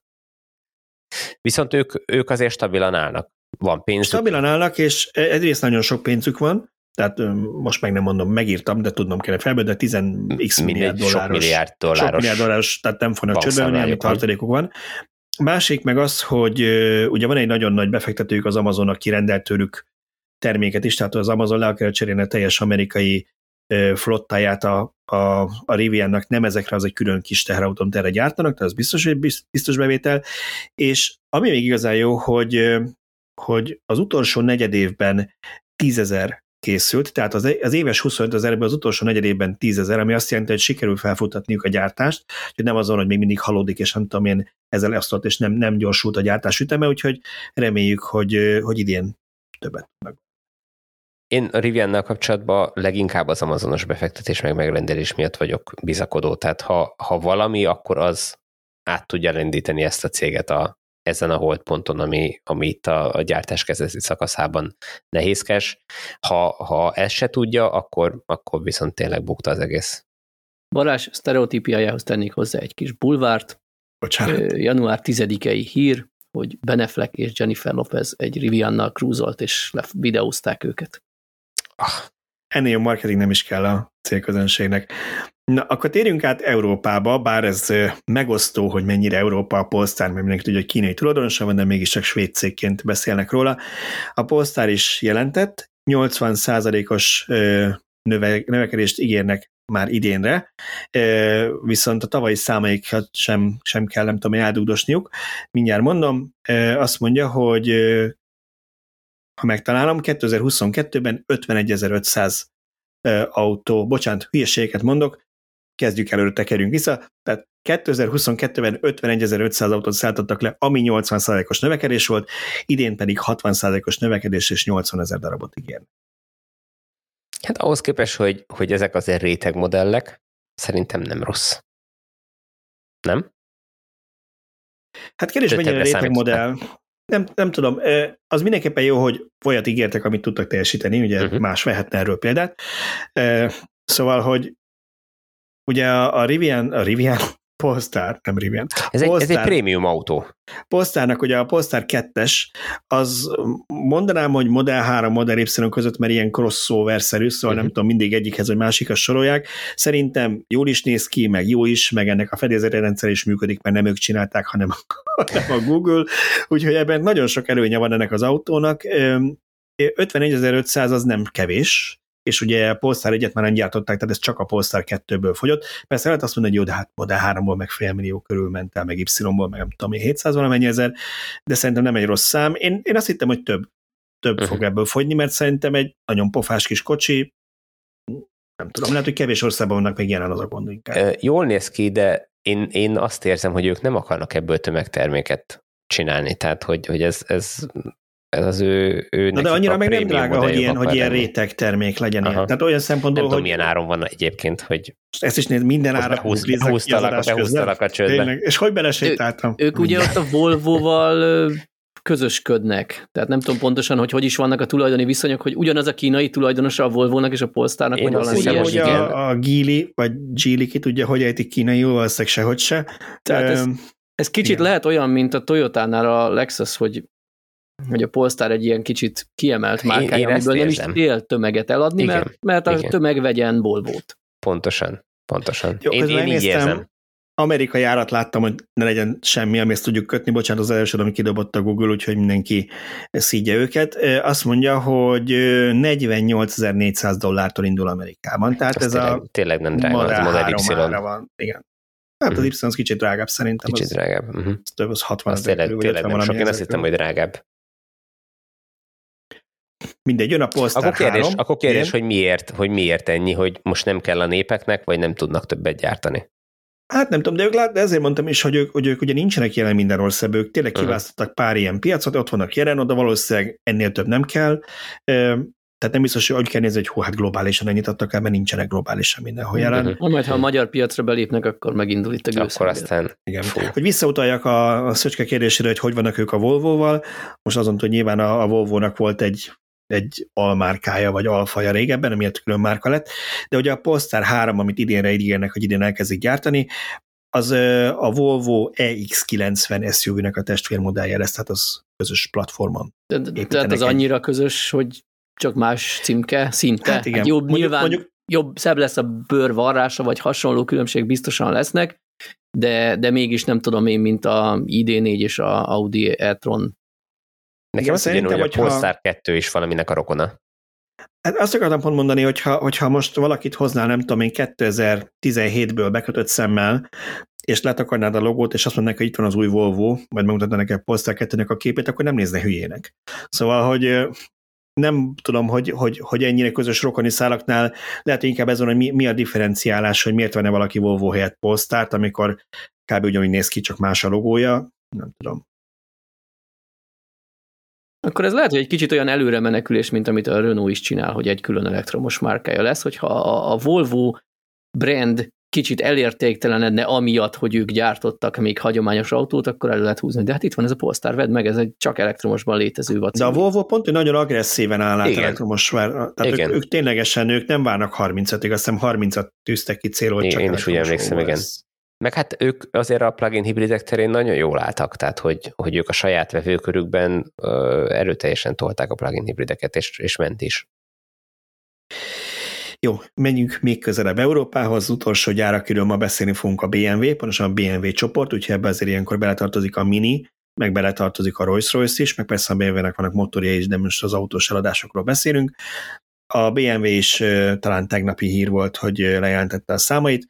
A BMW csoport személyelőtt eladásai 4,8%-kal csökkentek tavaly, 2 millió 400 ezer autót adtak el, ebből 2 millió egy volt BMW, közel 300 ezer mini és 6 ezer volt, ami Rolls-Royce. Az elektromosokra térő viszont ott nagyon jó hír volt, hogy 107%-kal növekedett a BMW csoport elektromos eladása, 215.755 tisztán elektromos autót adtak el, és ez 9%-át tette ki a teljes eladásai. Hát a Tibor autó cseréje nélkül csak 54 lenne a vége, nem 50. Bocsánat. Én szerintem ez tök pozitív. Tehát én elégedett vagyok úgymond a BMW eredményével, ha megnézzük, hogy mondjuk az i3-ból, ami a maga idejében bár egy kicsit megosztó stílusú, de mégis egy nagyon kedvelt típus volt, hogy abból hány év alatt sikerült elérni egy ilyen 250 ezres darabot, talán a teljes forgalmazás alatt valami ilyesmi volt. Hát valami ilyesmi az értékesítése, igen. most meg egy év alatt eladnak az egyéb egyébként drágább, nagyobb, prémiumabb típusokból, hiszen nincs olyan kis autójuk jelenleg elektromos, illetve hát, ha a minit ide soroljuk, akkor de van, de, de szerintem tök jó ez a szám. Igen, alapvetően igen. Számomra, ami, ami egyrészt meglepő volt, másrészt meg nyilván számítottunk erre, hogy annak ellenére, hogy ők voltak a másik olyan márka, ami erős volt plugin hibridbe, tehát szinte mindenből kínálnak minden típusból kínálnak plugin hibrid verziót is. A, a, a plugin hibrid iránt, mint hogyha visszaesett volna a kereslet tavaly, tehát hogy darabszámban még ha talán nem is adtak el többet, de már nem emlékszem a számokra, hogy, mint, mint tisztán elektromosból, de nagyjából egy szintre jött, miközben korábban a plugin hibridek azért erősebbek voltak, és a plugin hibrid az visszaesett arányban. Úgyhogy ez, ez, ez mindenképpen azt mutatja, hogy az emberek így, hogy már van normális hatótávi egy autónak, meg van normális töltőhálózat, egyre kevésbé preferálják azt, hogy még magukkal cipeljenek a mindennapokban, amikor mindenképpen elektromosan mennek, még magukkal cipeljenek egy benzintankot egy halom benzinnel vagy gázolajjal, meg egy benzines motort, meg mit tudom én, tehát, hogy meg azt a nyűgöt, hogy azt évente egyszer el kell vinni olajcserére, meg szervizelni, meg mindent csinálni. Úgyhogy, Igen, uh, én is ezt látom a mindenféle, tehát a országok eladási statisztikáiból, a gyártók eladási statisztikájából, hogy a plug-in hibrid mint állatfaj, viszonylag rövid ideig él az autózás palettáján. Tehát én, én sokkal hosszabb jövőt tippeltem volna nekik mondjuk 5-10 évvel ezelőtt. Uh-huh. Ehhez képest volt egy viszonylag lassú felfutás, után egy erős visszaesés.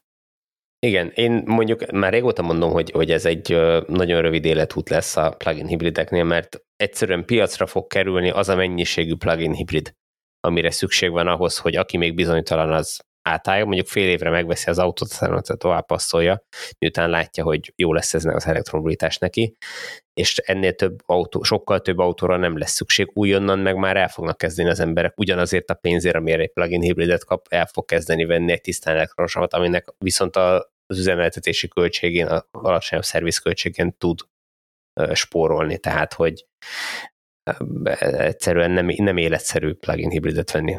Igen, szerintem is a plugin hibrideket az árazásuk nyírta ki. Pedig logika lett volna benne, hogyha ezt úgy, úgy tekintettünk rá, vagyis én úgy gondoltam régen, hogy az ilyen természetes evolúció lesz a hibrideknek, és szépen kiszorítják a hagyományos hibrideket, plugin hibrid lesz mindegyik hibridből, csak aztán elkezdték olyan áron adni őket, mint az elektromos autókat, és mondjuk nem tudom, 4 millióval olcsóbb a hibrid, és elektromos árban van a plug-in hibrid, viszont legalább tud menni 50 kilométert egy feltöltéssel, akkor már azt mondja az ember, akinek már van ennyi pénze, hogy akkor hozzátesz még inkább 2 milliót, de akkor vesz már egy teljesen elektromos előtt. Igen, de nem tudják olcsóban adni, hogyha végig gondolod. Tehát egyre nagyobb akkumulátorokat igényel mindenki, hogy azért most már ne 40 kilométert menjen el, hanem azért menjen már százat, nem? Tehát, hogy ez egy ilyen természetes elvárás, és hogyha azt a méretű akkumulátort belerakod, plusz még a hagyományos hajtásláncot, meg még az de akkor, összes De egyéb... akkor a hibrid miért?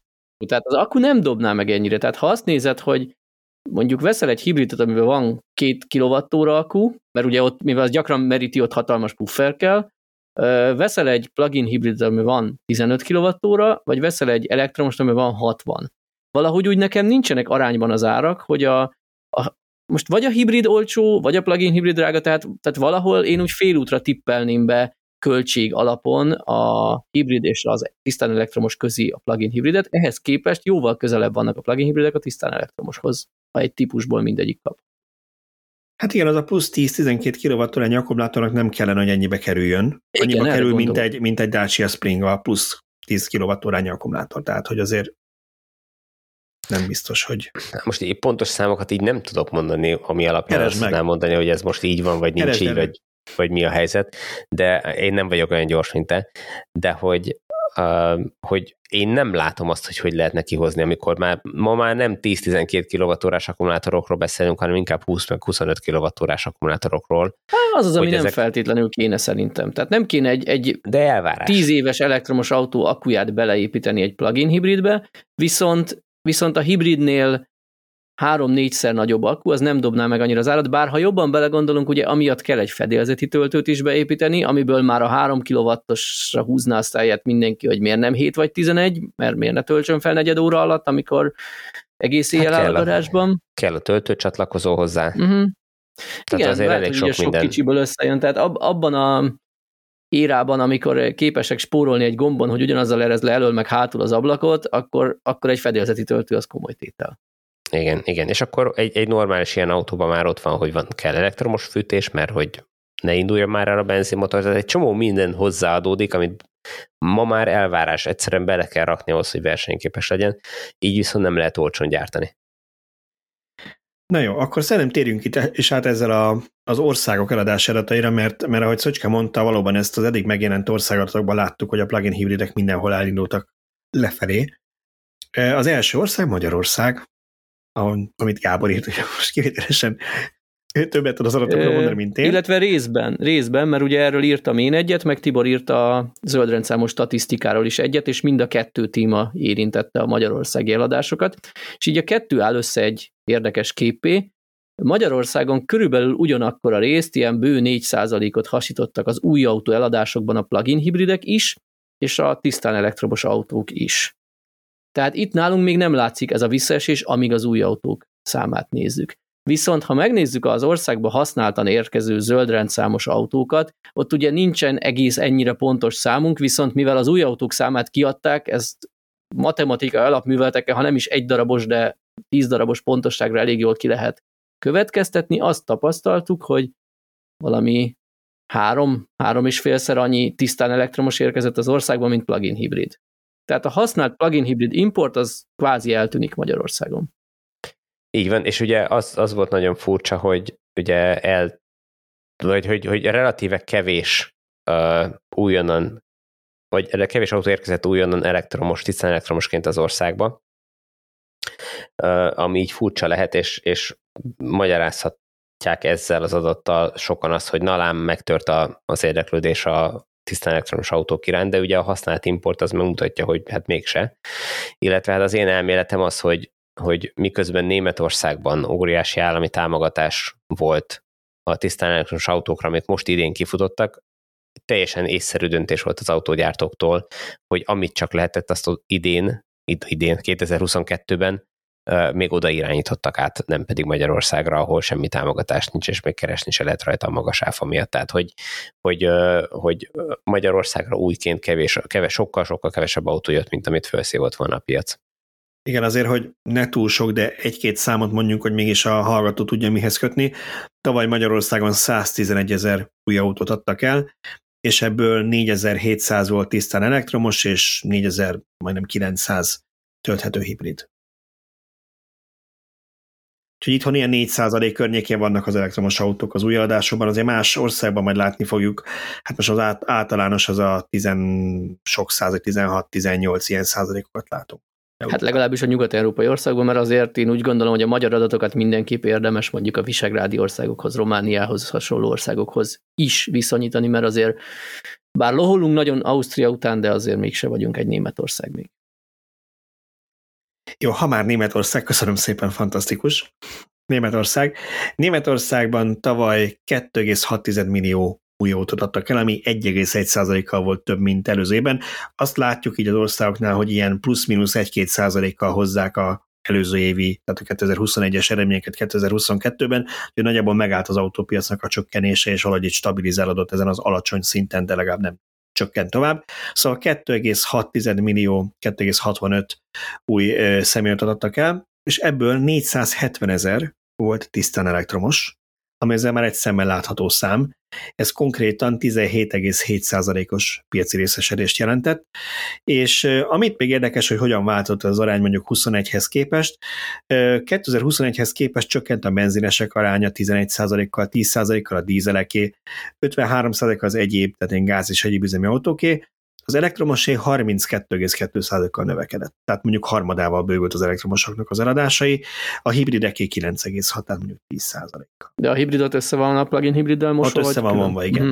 igen. Ennek nem örülök egyébként, mert nagyon kíváncsi lennék, hogy a plugin hibridek ott mekkora esést vagy növekedést produkáltak, mert ugye azt tudjuk, hogy a hibridek ugye egyre népszerűbbek, mivel bele sorolják kis túlzással más startstoppos autókat és a hibridek közé, tehát ha, ha az átlag indító akunak a másfélszeresét beteszik, akkor azt már hibridnek képesek nevezni a gyártók, pedig azért na.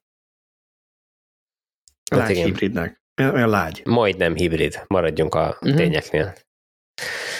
És most gondoljatok bele, hogy ezek az adatok, tehát ez a 17, valahány százalékos részesedés, ez Németországból jön, ahol sokáig tök hallott volt ez az egész piac, és a németek kézzel-lábbal hadakoztak a, a, az elektromos átállás ellen, és hirtelen egyszer csak, ahogy, ahogy megjelentek náluk a, azok az autók a saját autó gyártóiktól, amik, amiket szívesen megvesznek, akkor, akkor rögtön utat tört magának ez a technológia.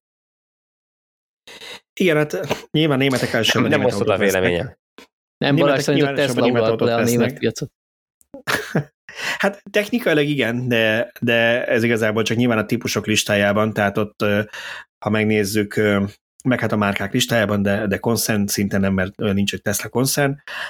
A lényeg az, hogy a típusok listájában az első kettő a Model Y és a Model 3 lett, a gyártóknál pedig, pedig hogyha az elektromosokat nézzük nyilván, akkor ott a Tesla lett az első megelőzve a Volkswagen. Nekem nem is igazán ez ütött szemet, mert ez valamilyen szinten várható volt a Model Y megjelenésével, és idén talán lehet, hogy ugyanerre lehet számítani, amiatt, hogy most már német gyárban készül majd nagy számban, hogy tavaly talán összesen 50 ezer Model Y gyártottak Berlinben, és annak egy része exportra került, tehát nem is mint helyi eladás. De, de ha azt nézzük meg, hogy a kirek hogyan változtak az eladásai tavaly az elektromos csak az elektromosok között, akkor azt látjuk, hogy a Volkswagennek a hazai piacon 12%-kal csökkentek az eladásai. Az elektromosok tekintetében mondjuk a BMW-nek 42%-kal nőttek. Úgyhogy az nem egy jó trend szerintem a Volkswagennek, hogy csökkentek az eladások. Kellett nekik díszt kivágni, látod?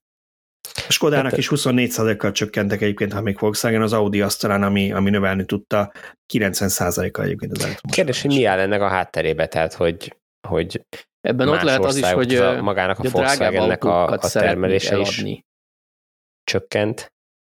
Hát ugye azért minden gyártónál azt látjuk, hogy igen, csökkent, vagy, vagy picit növekedett, csak tehát ez megint csak ez a plusz pár, plusz-minusz pár százalék ugye az autógyártásuk, ugye De várjuk, te most melyikről beszélsz, az összes autóról, vagy az elektromosról? Én most az elektromosról beszélek, erre akartam utalni, uh-huh. hogy azt látjuk, uh-huh. hogy általában ezek csökkentek, de az elektromosak, azok Igen. meg mindenhol ennek ellenére masszívan növekedtek, és én mondhatnánk, hogy hát mert a drágább Audikba szánták azokat a csipeket a Volkswagen, valamennyi igazság biztos van is benne, hogy ha lehetett választani, akkor nem egy Skodába adták el, hanem egy Audiba, de ugyanakkor meg mégiscsak Volkswagen csoporthoz tartozik még a, a Porsche.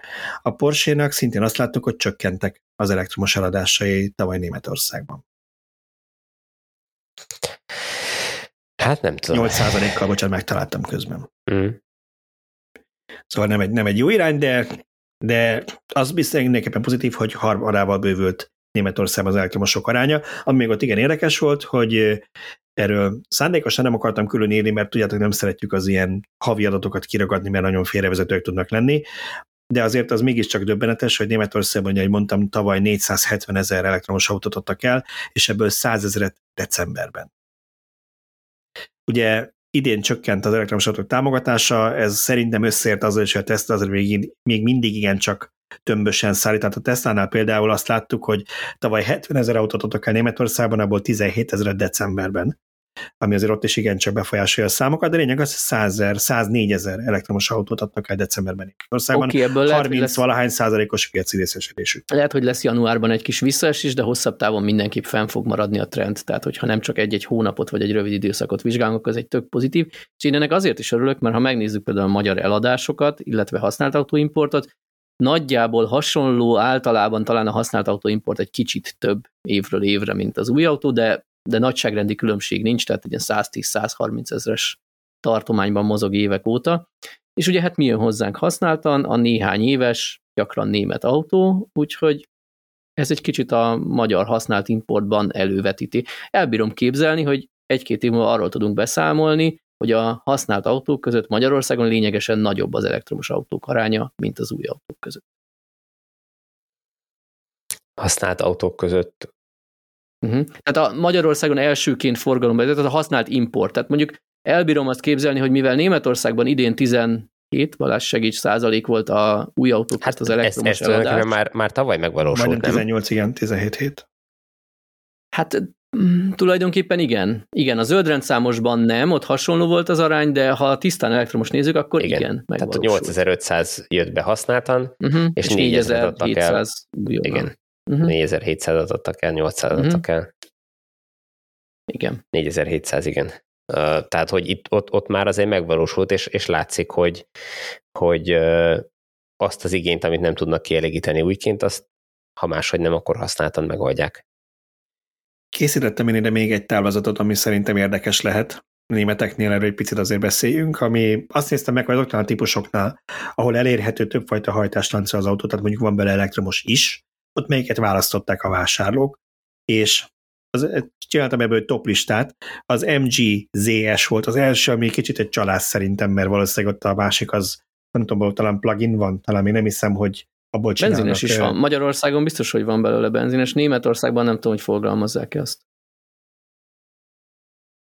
Jó, akkor talán kicsi csalás. Akkor annyiba csalás, hogy összesen 3500-at, 3400 valamit adtak el belőlük, tehát annak 86% elektromos volt, de a második helyzet Renault Twingo azért már 10 fölött fogyott, és annak 76%-a elektromos volt, a Renault Megane-nak 74%-a elektromos volt, Peugeot 208 ez 66% a Konánál 66 C4-nél 64% Peugeot 2008 60 szóval hogy volt jó pár olyan ismert típus, amik, amik megvásárolhatók benzinmotorral is, vagy dízelmotorral, és azt látjuk, hogy kétharmadát, meg 70 valahány százalékát, háromnegyedét elektromosba vették a németek. Ez különösen annak fényében sokkoló, hogy amikor megjelentek, azt hiszem 2020-ban például ezek a akkor még PSA modellek, akkor olyan nyilatkozatokat hallottunk, hogy meglepte a gyártót, hogy mennyivel nagyobb az elektromosra az igény, mint ők számították, mert ugye ezek ugyanazon a gyártósoron készülnek, és ők arra terveztek, hogy mondjuk 10%-ot fognak elektromosra gyártani, az emberek meg mondjuk 20-at akarnak venni. Na most ahhoz képest ennyire megfordult az arány, hogy Igen, most, most már 60-70 százalékok vannak. Ez Igen, tehát én, én, nem lepődnék meg, hogyha hamarosan, tudjátok, hogy Norvégiában láttuk ezeket, hogy egyes autójátok bejelentették, hogy ők már nem, gyár, nem fognak ott forgalmazni tovább hagyományosat, sőt a britektől is jött egy pár ilyen hír, hogy mondjuk azt mondaná Peugeot, hogy 208-ból már csak elektromosat árul németeknél, már egyszerűen nem éri meg neki, hogyha az idén tavaly mondjuk 60 százalék, idén mondjuk 80 százalék, akkor elgondolkoznak rajta, hogy van-e értelme még mondjuk. Hát főleg azért, mert ugye ha ők most még eladnak 3%-nyi benzinest, ahhoz még x éven keresztül a szerviz hátteret fent kell tartani, mert nyilván vannak erre kötelezettség, tehát nem érdemes egy ilyen marginális részesedés miatt ott évekkel meghosszabbítani a kötelező szerviz hátteret. Igen. Na akkor evezzünk kicsit nyugatabbra a németektől. Egyesült Királyság a következő helyszínünk, ami ugye már nem EU-s ország, de hát mégiscsak az egy legnagyobb európai gazdaság.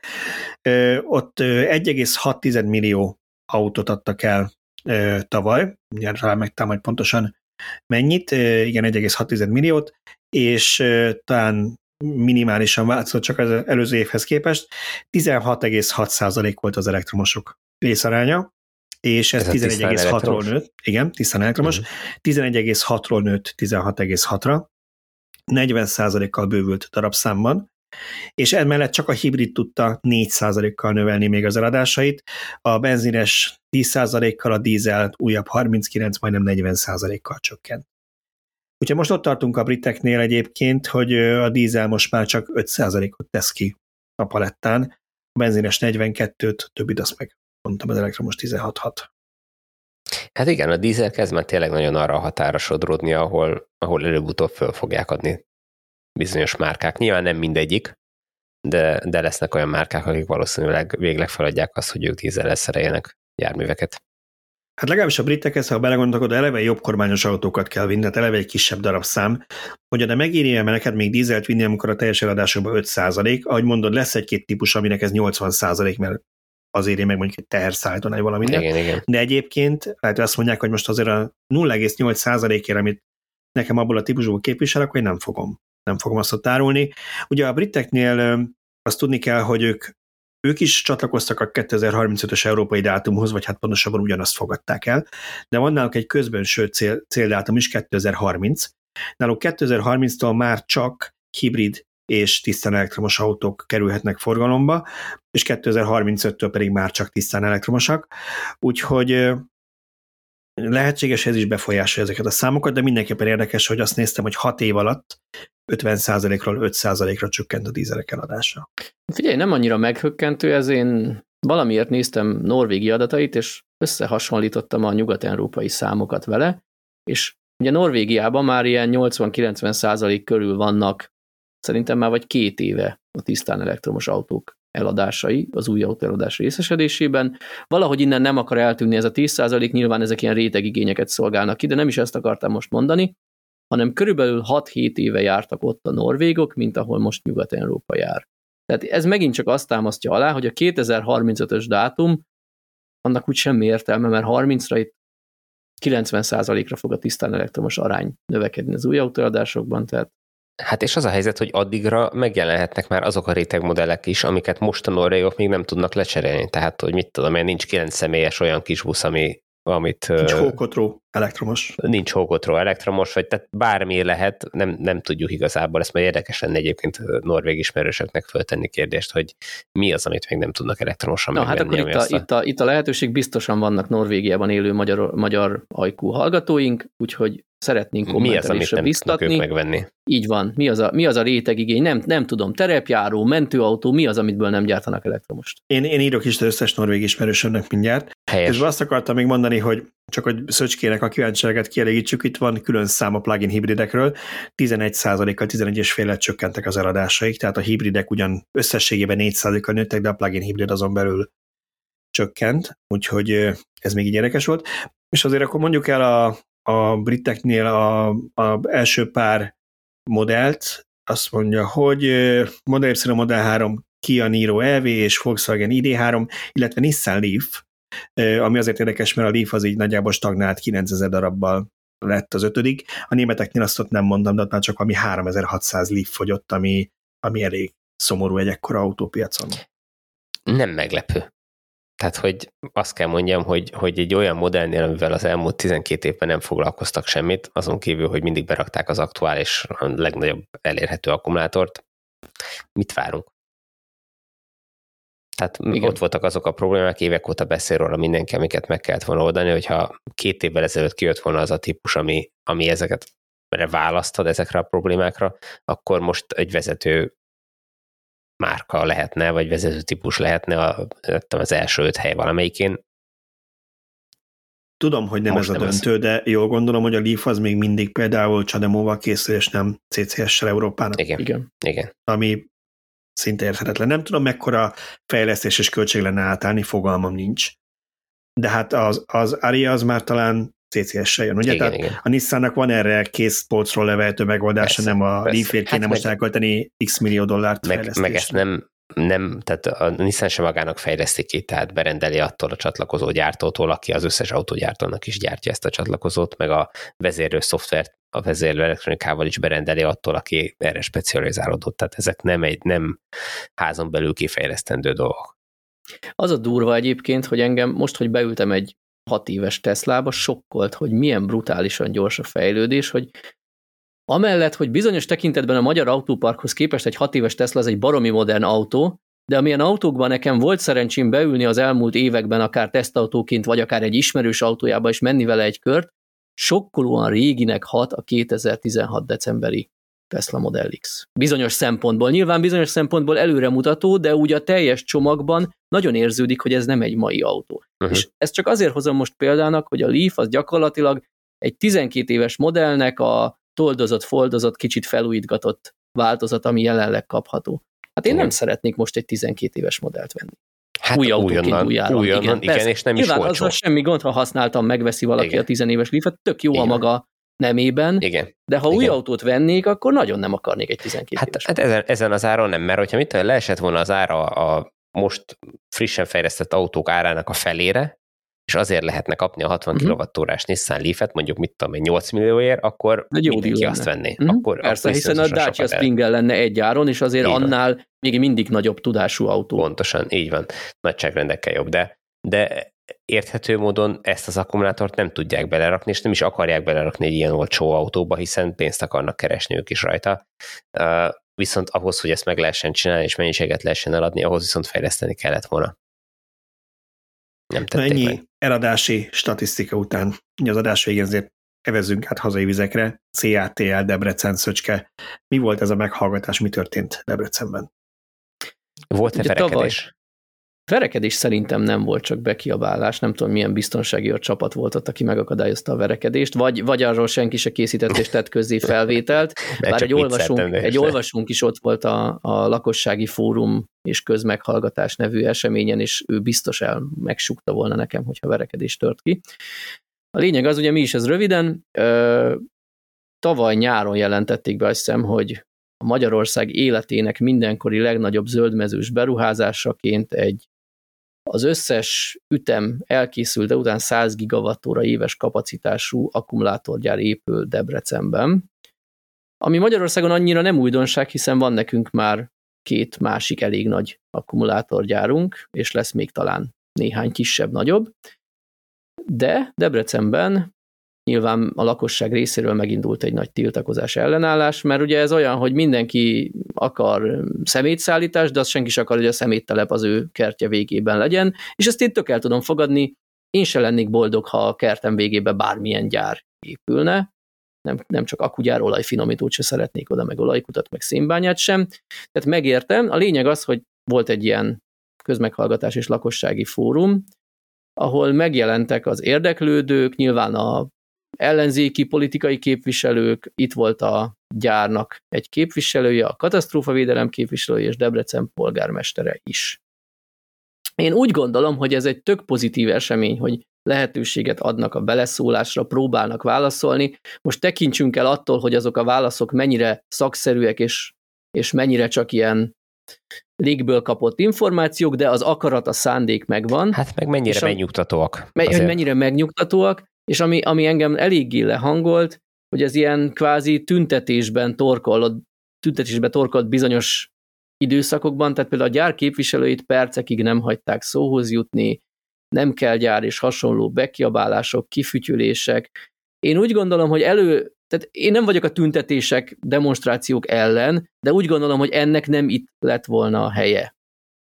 Tehát vonuljanak ki és láncolják magad a kerítéshez, amikor felvonulnak a gépek, hogyha nincs más eszköz a nép kezében. Én abszolút támogatom ezt a polgári engedetlenség demonstráció hasonló irányt, de ne egy olyan fórumon, amikor végre szeretnének velünk kommunikálni, szeretnének választani. Bárki kérdezhetett, amire igyekeztek választani.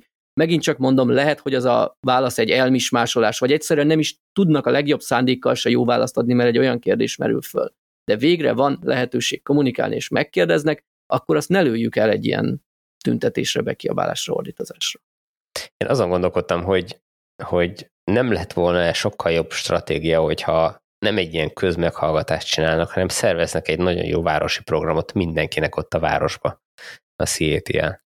És, és mondja azt, hogy van virsli, sör, minden, üljünk le, és a nagy színpad előtt beszélgessünk erről a témáról, és meghívnak olyan embereket, akik, akik képben vannak, és, és elkezdenek erről beszélgetni. Tehát úgy értem, hogy ha alkoholt fogyasztottak volna, akkor kevésbé lett volna pont agresszív ezt, ez Pont a... ezt mondom. Ha, ha hogy a nyüsti az meglágyítja akkor, az limon, akkor limonádét, most igazából ilyen Még a sörre is sajnálták a pénzt, azt akarod mondani? Jó. Nem, okay, én, én látom, azt, én látom, azt nem menjek el piárosnak, mert nem csinálom jól. Ne, ne, ne, én, én azt gondolom, hogy nem feltétlenül szerencsés egy ilyen fórum, ahol bárki felteheti a kezét és kérdezhet, mert délután négytől este tíz óráig tartott, tehát nyilván hosszúra nyúlt. Lehet, hogy szerencsésebb mondjuk, amit ugye hosszú szappanoperaként Balázs írogatott, hogy a berlini Tesla gyárnál írásban adhatott be, és ott is bárki beadhatta, és bármilyen hülyeség volt, az kénytelen volt, vagy köteles volt a hivatal kivizsgálni, tehát, tehát lehet, hogy az jobb, mert az nem tud elmenni egy ilyen jellegű nem, nem, nem is tudok jó szót rá, hogy, hogy, hogy mivé, Ott is volt egyébként több ilyen lakos, tehát ott a, ott a processznek a része, hogy kötelezően vannak ilyen lakossági fórumok. Én úgy tudom, hogy először van az írásos, amire válaszolnak, és utána akkor van egy ilyen lakossági, talán ez a sorrend, ha jól emlékszem. Én szerintem teljesen egyetetek Szöcskével abban, hogy tehát ha valaki egy ilyenre elmegy, akkor annyira minden nyitottnak kéne lennie, hogy azt mondja, hogy csomó hülyeséget hallottam, ennek egy része lehet igaz, lehet, hogy nem igaz. Most már szeretném, hogy elmondanák nekem, hogy mi is van, meghallgatom, mit mondanak, mert én félek attól, hogy nem lesz ivóvíz, félek attól, hogy megmérgezik a földet, na erre mit tudtok mondani. Meghallgatom, és legfeljebb utána nem tudom én, majd, majd ezt ellenőrözöm, mert utána én olvasok a neten, vagy valami, de ha eleve úgy megyünk oda, hogy hazudnak, és oda még bekiabálni, akkor, akkor ennek így sok értelme nincs. Annyit viszont hozzátennék zárójelbe, hogy ezt csak maguknak köszönhetik az illetékesek, mert ezt nem most kellett volna kezdeni, hanem az elején elébe menni, és az elején teljesen transzparensen nyíltan kommunikálni, megválaszolni kérdéseket, ami azt is jelenteni, hogy el kell ismerni, hogy igen, itt vannak veszélyes anyagok, de ezt, meg ezt, meg ezt, meg ezt tesszük, hogy ez ne kerüljön Pontosan, ez, ez, ez hiányzik az összes ilyen kommunikációból, hogy mindenütt az látszik, és egyébként ez volt egy kicsit ilyen bosszantó ebben is, hogy, hogy ó, itt nem, nincs semmilyen veszély, meg ez veszélyes ugyan, de itt minden tökéletes. Tehát, hogy hogy nem, nem, ezt, nem így lehet kell megnyugtatóan kommunikálni, hanem az, hogy ezt, meg ezt, meg ezt tesszük azért, hogyha kiömlik az a nyomorult folyadék, akkor az ne kerüljön ki a gyárkapunk keresztül, és ezt lehetne publikálni, lehetne egy Volt ilyen része is erre. egyébként, most ennek a meghallgatásnak, hogy uh-huh. konkrétumokat is beszéljünk, például a, a por, fekete pornak hívják, vagy ezt hívják kék pornak, nem is tudom, ez a NMC keverék. Black Mass, igen. Erről, erről, el, powder, vagy nem is tudom, erről elmondták, hogy ez big bagekben érkezik, a kamionok beállnak egy zárt lerakodó helyre, és onnantól csak gyáron belül mozog, tehát nem juthat ki. Elmondták, hogy olyan padlója lesz a létesítménynek, hogyha bármilyen veszélyes anyag esetleg ki is ömlene oda, akkor az nem juthat a talajba, mert egyszerűen valami olyan nem tudom, vízzáró, nem értek hozzá műgyanta, akármilyen Jó, de ezt miért nem magyarázzák Voltak el, hogy... konkrétumok is, tehát de... vala, valamilyen szinten ilyen is volt, de igen, ezt nem most kellene, igen. illetve ami volt és negatívum volt, hogy, hogy több jelentést adtak ki, és akkor erről volt olyan, ami egymással ellent mondott, és itt megkérdezte az egyik helyi lakos vagy résztvevő, hogy most akkor melyik az igaz, és erre, erre ez szerintem tök korrekt, az illetékes szakértő kimerte azt mondani, hogy sajnos az egyik adatnál tévedtünk, a másik a helyes. Most tök, tök függetlenül attól, hogy a kisebb vagy a nagyobb vagy melyik, de ha többféle adatot mondanak, akkor nyilván az egyik hülyeség, és ő, ő nem kezdett el izé hebegni, habogni, hogy így számoltunk, úgy számoltunk, megmondta az egyiknél valamit nem számoltunk bele, és a másik a helyes. Tehát ez, ez tök korrekt, úgy gondolom, tehát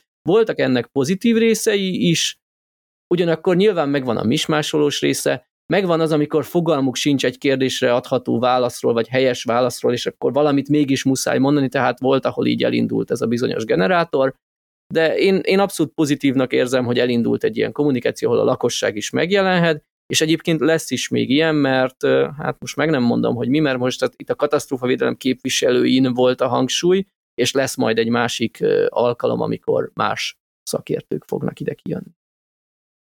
Ha még kimernek állni a Debrecen nép elé. Hát jó, beszámolunk akkor azokról is majd. E, utolsó témánk azért nem napolnám el, ne hagyjuk át már a harmadik hétre is. Tudom, hogy már igen, csak régóta beszélgetünk, de akkor egy pár szó erejéig beszéljünk erről az amerikai állami támogatásról, ami igazából csak azért érdekes nekem, mert Hát rossz, mert egy nagyon olyan magyaros. Hogy ott olyan magyaros, igen, ott is hogy tudják elszúrni azt, amit igazából hát nem nagyon, nem nagyon lehetne. Szóval Egyesült Államokban január 1-től változtak az elektromos autó vásárlás támogatásának szabályai, ugye ez a Biden kormánynak még a választási ígéretében volt, hogy, hogy ezzel változtatni fognak, azért akkor kicsit több pénzt ígértek, meg kicsit egyszerűbbet ígértek, hogy nem adó visszatérítés, hanem már a pénztárnál, meg nem 7500, hanem 12000 dollár, aztán sok-sok kompromisszum volt, és egyébként inkább házon belül a demokraták között volt ennek ellenlábasa. A lényeg az, hogy most életbe lépett a rendszer, hát igen, a Szöcske utatrány igen csak magyarosan, mert december 20 sokadikán jött ki a szabályozás, tehát hogy volt rá valami három napjuk megemészteni mindenkinek, meg a gyártóknak is, és még ott sem minden, mert végül elnapolták márciusra azt a részét, ami a támogatást ahhoz kötni, vagy egy részét ahhoz kötni a támogatásnak, hogy mekkora részek készül az akkumulátoroknak az Egyesült Államokban, vagy az USA-val külön szerződés, ilyen baráti országszerződést aláíró országban, tehát lényeg az, hogy nem Kínában segítek fordítani, de ezt egyelőre elhalasztották márciusra, mert az EU bejelentett, hogy srácok, ugye ez nem teljesen oké, okay, hogy minket is kizártok, mert ugye akkor ennek kereskedelmi háború lesz a vége. Egyszerűen kis száz a vége, jelenleg nagyon sok autóra, most, most érvényes az a 7500 dollár, olyanokra is, mint például a General Motors és a Tesla termékei, amelyek eddig ebből ki voltak zárva, most ehhez képest... Már nem, nem gazdaságból zárták őket ki, hanem nekik elfogyott a keretük, ami igen, hát ugye ez úgy volt, igen, ez úgy volt, úgy volt annó megszabva ez a rendszer, hogy ha valamelyik gyártó eléri a 200 ezer eladott autót, akkor kiesik a rendszerből. Autót. Támogatott autót, igen. Ebből a Tesla esett ki elsőnek, másodiknak a GM, és általában egyébként a Toyota is kiesett a hibridekkel most arra már. Ugye itt a hibrideket is támogatják ebben a rendszerben, tehát így azért a Toyotának is érdekes. De a lényeg az, hogy amióta életbe a rendszer, mindenki csak találgat meg balhévan körülötte, mert hogy? Végtelen bölcsességükben ugye az adóhivatalra, mi másra az adóhivatalra bízták ennek a szabályzásnak a kidolgozását, a részleteket, és az adóhivatal úgy döntött, hogy hát nekik nem tetszik az a rendszer, amit az EPA, az ottani környezetvédelmi hivatal vezetett be, ugye évek óta ők adják ki a típusengedélyeket az új autókra, meg ők kategorizálják az autókat, hanem ők saját preferencia szerint saját paraméterekhez kötötték azt, hogy mi számít mondjuk SUV-nak, mi számít szedánnak, és hát ugye ez azért nem mindegy, mert a szedánokra vagy másfajta autókra 55 ezer dollár az értékhatár, ami SUV vagy pickup vagy ilyen nagy darab Behemoth állatára pedig 80 ezer dollárig mehet az ára az autónak, hogy érvényes legyen rá a támogatás, és akkor ebből lettek olyanok, hogy Volkswagen ID4 vagy ID4, annak a kétkerékhajtásos változata az nem SUV, összkerekes változata ugyanannak az autónak SUV, a Tesla Model Y-nál a 7 személyes az SUV, a nem 7 személyes, 5 személyes az nem SUV, pedig ugyanaz az autó. Meg például van egy plug-in hibrid Ford, ami vagy nem is azt hiszem, talán egy Jeep volt, amelyik valami 12 liter benzint fogyaszt, és valami egész 20 mérföldet meg tud tenni elektromosan, na az megjogosult a teljes állami támogatásra. Úgyhogy azóta mindenki ezen hőbörög, hát hogy mi lesz ebből, azt nem tudom, de elég vicces. Vajon emögött, hogy a, az adóhivatal határozott meg egy teljesen új rendszert, volt valami hátsó szándék, tehát fölismerhető, hogy ezen kinyer? Én, én azt hiszem, hogy az talán, és megmondom őszintén, hogy ennyire már nem olvastam bele, de ugye mondom, hogy régen arról volt szó, hogy ugye ez korábban Amerikában úgy működött, hogy ez egy adókedvezmény volt, tehát ha te befizettél mondjuk évi 10 dollár szövetségi, tehát állami szintű adót, és vettél egy elektromos Ez autót. Ez adó jellemzően valami. Igen, akkor ebből 7500 dollárt visszaigényelhettél az elektromos autó után. És az volt a választási ígéret, hogy ez most nem ilyen lesz, hanem a kasszánál érvényesíthető kedvezmény, mert hogy a szegényebbeket nem akarják ebből kizárni, tehát aki nem fizet összesen 7500 dollár adót, de mégis tud valahogy venni egy elektromos autót, az igényelhesse a teljes összeget. És nem tudom, hogy ez megmaradt, de nekem gyanús, hogy, hogy ez a változás, mert szerintem ez maradt az adóhivatalnál, és ezért ők dolgozták, én azt gondolnám. Uh-huh, uh-huh. Ja, hogy innen fúj a szél. De, de hogy Gyanítom, miért nem vették ezért... át a, a, az IP-nek a... Ez egy nagyon jó kérdés. Tehát, hogy Tehát miért hoztak létre egy hogy... párhuzamos rendszert, azt Igen. nem tudom ami biztos, hogy bonyolultabb, legalábbis hát létrehozni biztos, hogy bonyolultabb volt kitalálni. Miközben hát igen, van és egy kész nem, ez nem csak a Teslát zavarta, például most már a General Motors is tiltakozik, ők kiadtak mm. elő egy közleményt, hogy felvették a kapcsolatot az adóhivatallal, mert hogy van ez a lirik, amiről beszéltünk, hogy mm. ugye 122-t adtak el bele tavaly, ami szerintük, meg a honlapjuk szerint, meg az IPS szerint is egy SUV. A az adóhivatal meg azt mondta, hogy nem SUV, viszont 63 ezer dollárba került, tehát így nem érvényes rá Nem fér bele. Viszont az egész be a csavar, hogy ha leasingeled az autót, akkor tök mindegy, hogy milyen, mekkora, milyen kategóriába sorolandó, igénybe lehet így venni. Van. Így van. Na ez a, És ez a ha, csúcs. Ha 7 személyes, vagy pedig bizonyos súly felett van, akkor is igénybe lehet rávenni. Ugye ezért félt bele a Model Y, mert úgy gondolhatnánk, hogy hát ugyanannak az autónak két kiadása miért, miért, ellen, miért máshogy megítélve, hát ezért, mert az legalább már három ülés sorra rendelkezik. Ennek biztos van valami én ezt már egyéb pályázatoknál is láttam, hogyha ha hitel vagy finanszírozás van a sztoriban, akkor, akkor működik, hogyha te zsebből fizeted, akkor nem. Fogalmam sincs, hogy ebben mi. Lehet, hogy valami gazdasági fehérítés, vagy ilyesmi háttere lehet, hogyha, ugye, hogyha ahhoz, hogy leasinget kapj, ahhoz hitelképesnek kell legyél, tehát nem lehet mondjuk drogból a jövedelmed. Szerintem valami ilyesmi lehet itt a háttérben, de meghökkentő számomra is ez, hogy, hogy miért kell kiszorítani azokat, akik KP fizet, nem miért kell a, a leasingre, mert, mert még ha lenne a leasing díjnak áfa tartalma, akkor azt mondom, hogy egyik kezemmel adok, a másikkal visszaszedem, de igazából nincs, tehát ott a, a finanszírozót hozod helyzetbe azzal, hogy Mondjuk én ki tudnám fizetni az autót KP-ban, de csak azért veszek fel hitelt, mert hogy úgy olcsóbb. Hát simán, simán lehet, hogy a bankszektor lobbizta ezt ki magának. Hát vagy a simán bankszektor, lehet. vagy, vagy én ezt, a, ezt az ilyen nem, nem tiszta jövedelmek kiszorítását uh-huh. látom Ez Amerikában annyira talán nem jellemző, tehát ott ö, nagyobb problémának érzik társadalmilag, hogyha ha valaki adót csal. Hát meg a másik az ugye, hogy ha ez maradt adókedvezmény, akkor továbbra is az, hogy adót azért fizetned kell, szóval ez valamilyen szinten így is a, a fehér jövedelemek kellenek hozzá. De, de még ebben érdekes, hogy, hogy szerintem ez azért tanulságos, mert ez megint csak bizonyítja, hogy mennyire rosszak azok a rendszerek, amiket túl komplikálnak. Tehát, hogy nem csak arról van szó, hogy egy párhuzamos rendszert létrehozott az adóhivatal, hanem például az, hogy mi számít SUV-nak, azt öt kritériumhoz kötötte, és azt mondta, hogy ilyen ez a terepszögeket, amit hát nekem is utána kell nézni, mert nem annyira offroadozok, ami azt jelenti, hogy mondjuk az autó orra, meg a hátulja az mennyire, milyen szögű emelkedőnél érhet le, ezeket szabta meg, de hát ilyen biztos valami oka volt, tehát lehet, hogy vettek egy átlagot, de kitaláltak rá egy számot, hogy ami 20 fok vagy 28 fok, az számít SUV-nak. És akkor ebből az 5-ből 4-et kell teljesíteni az autódnak, hogy, hogy SUV-nak számítson. Most innentől kezdve meg teljesen ex-has.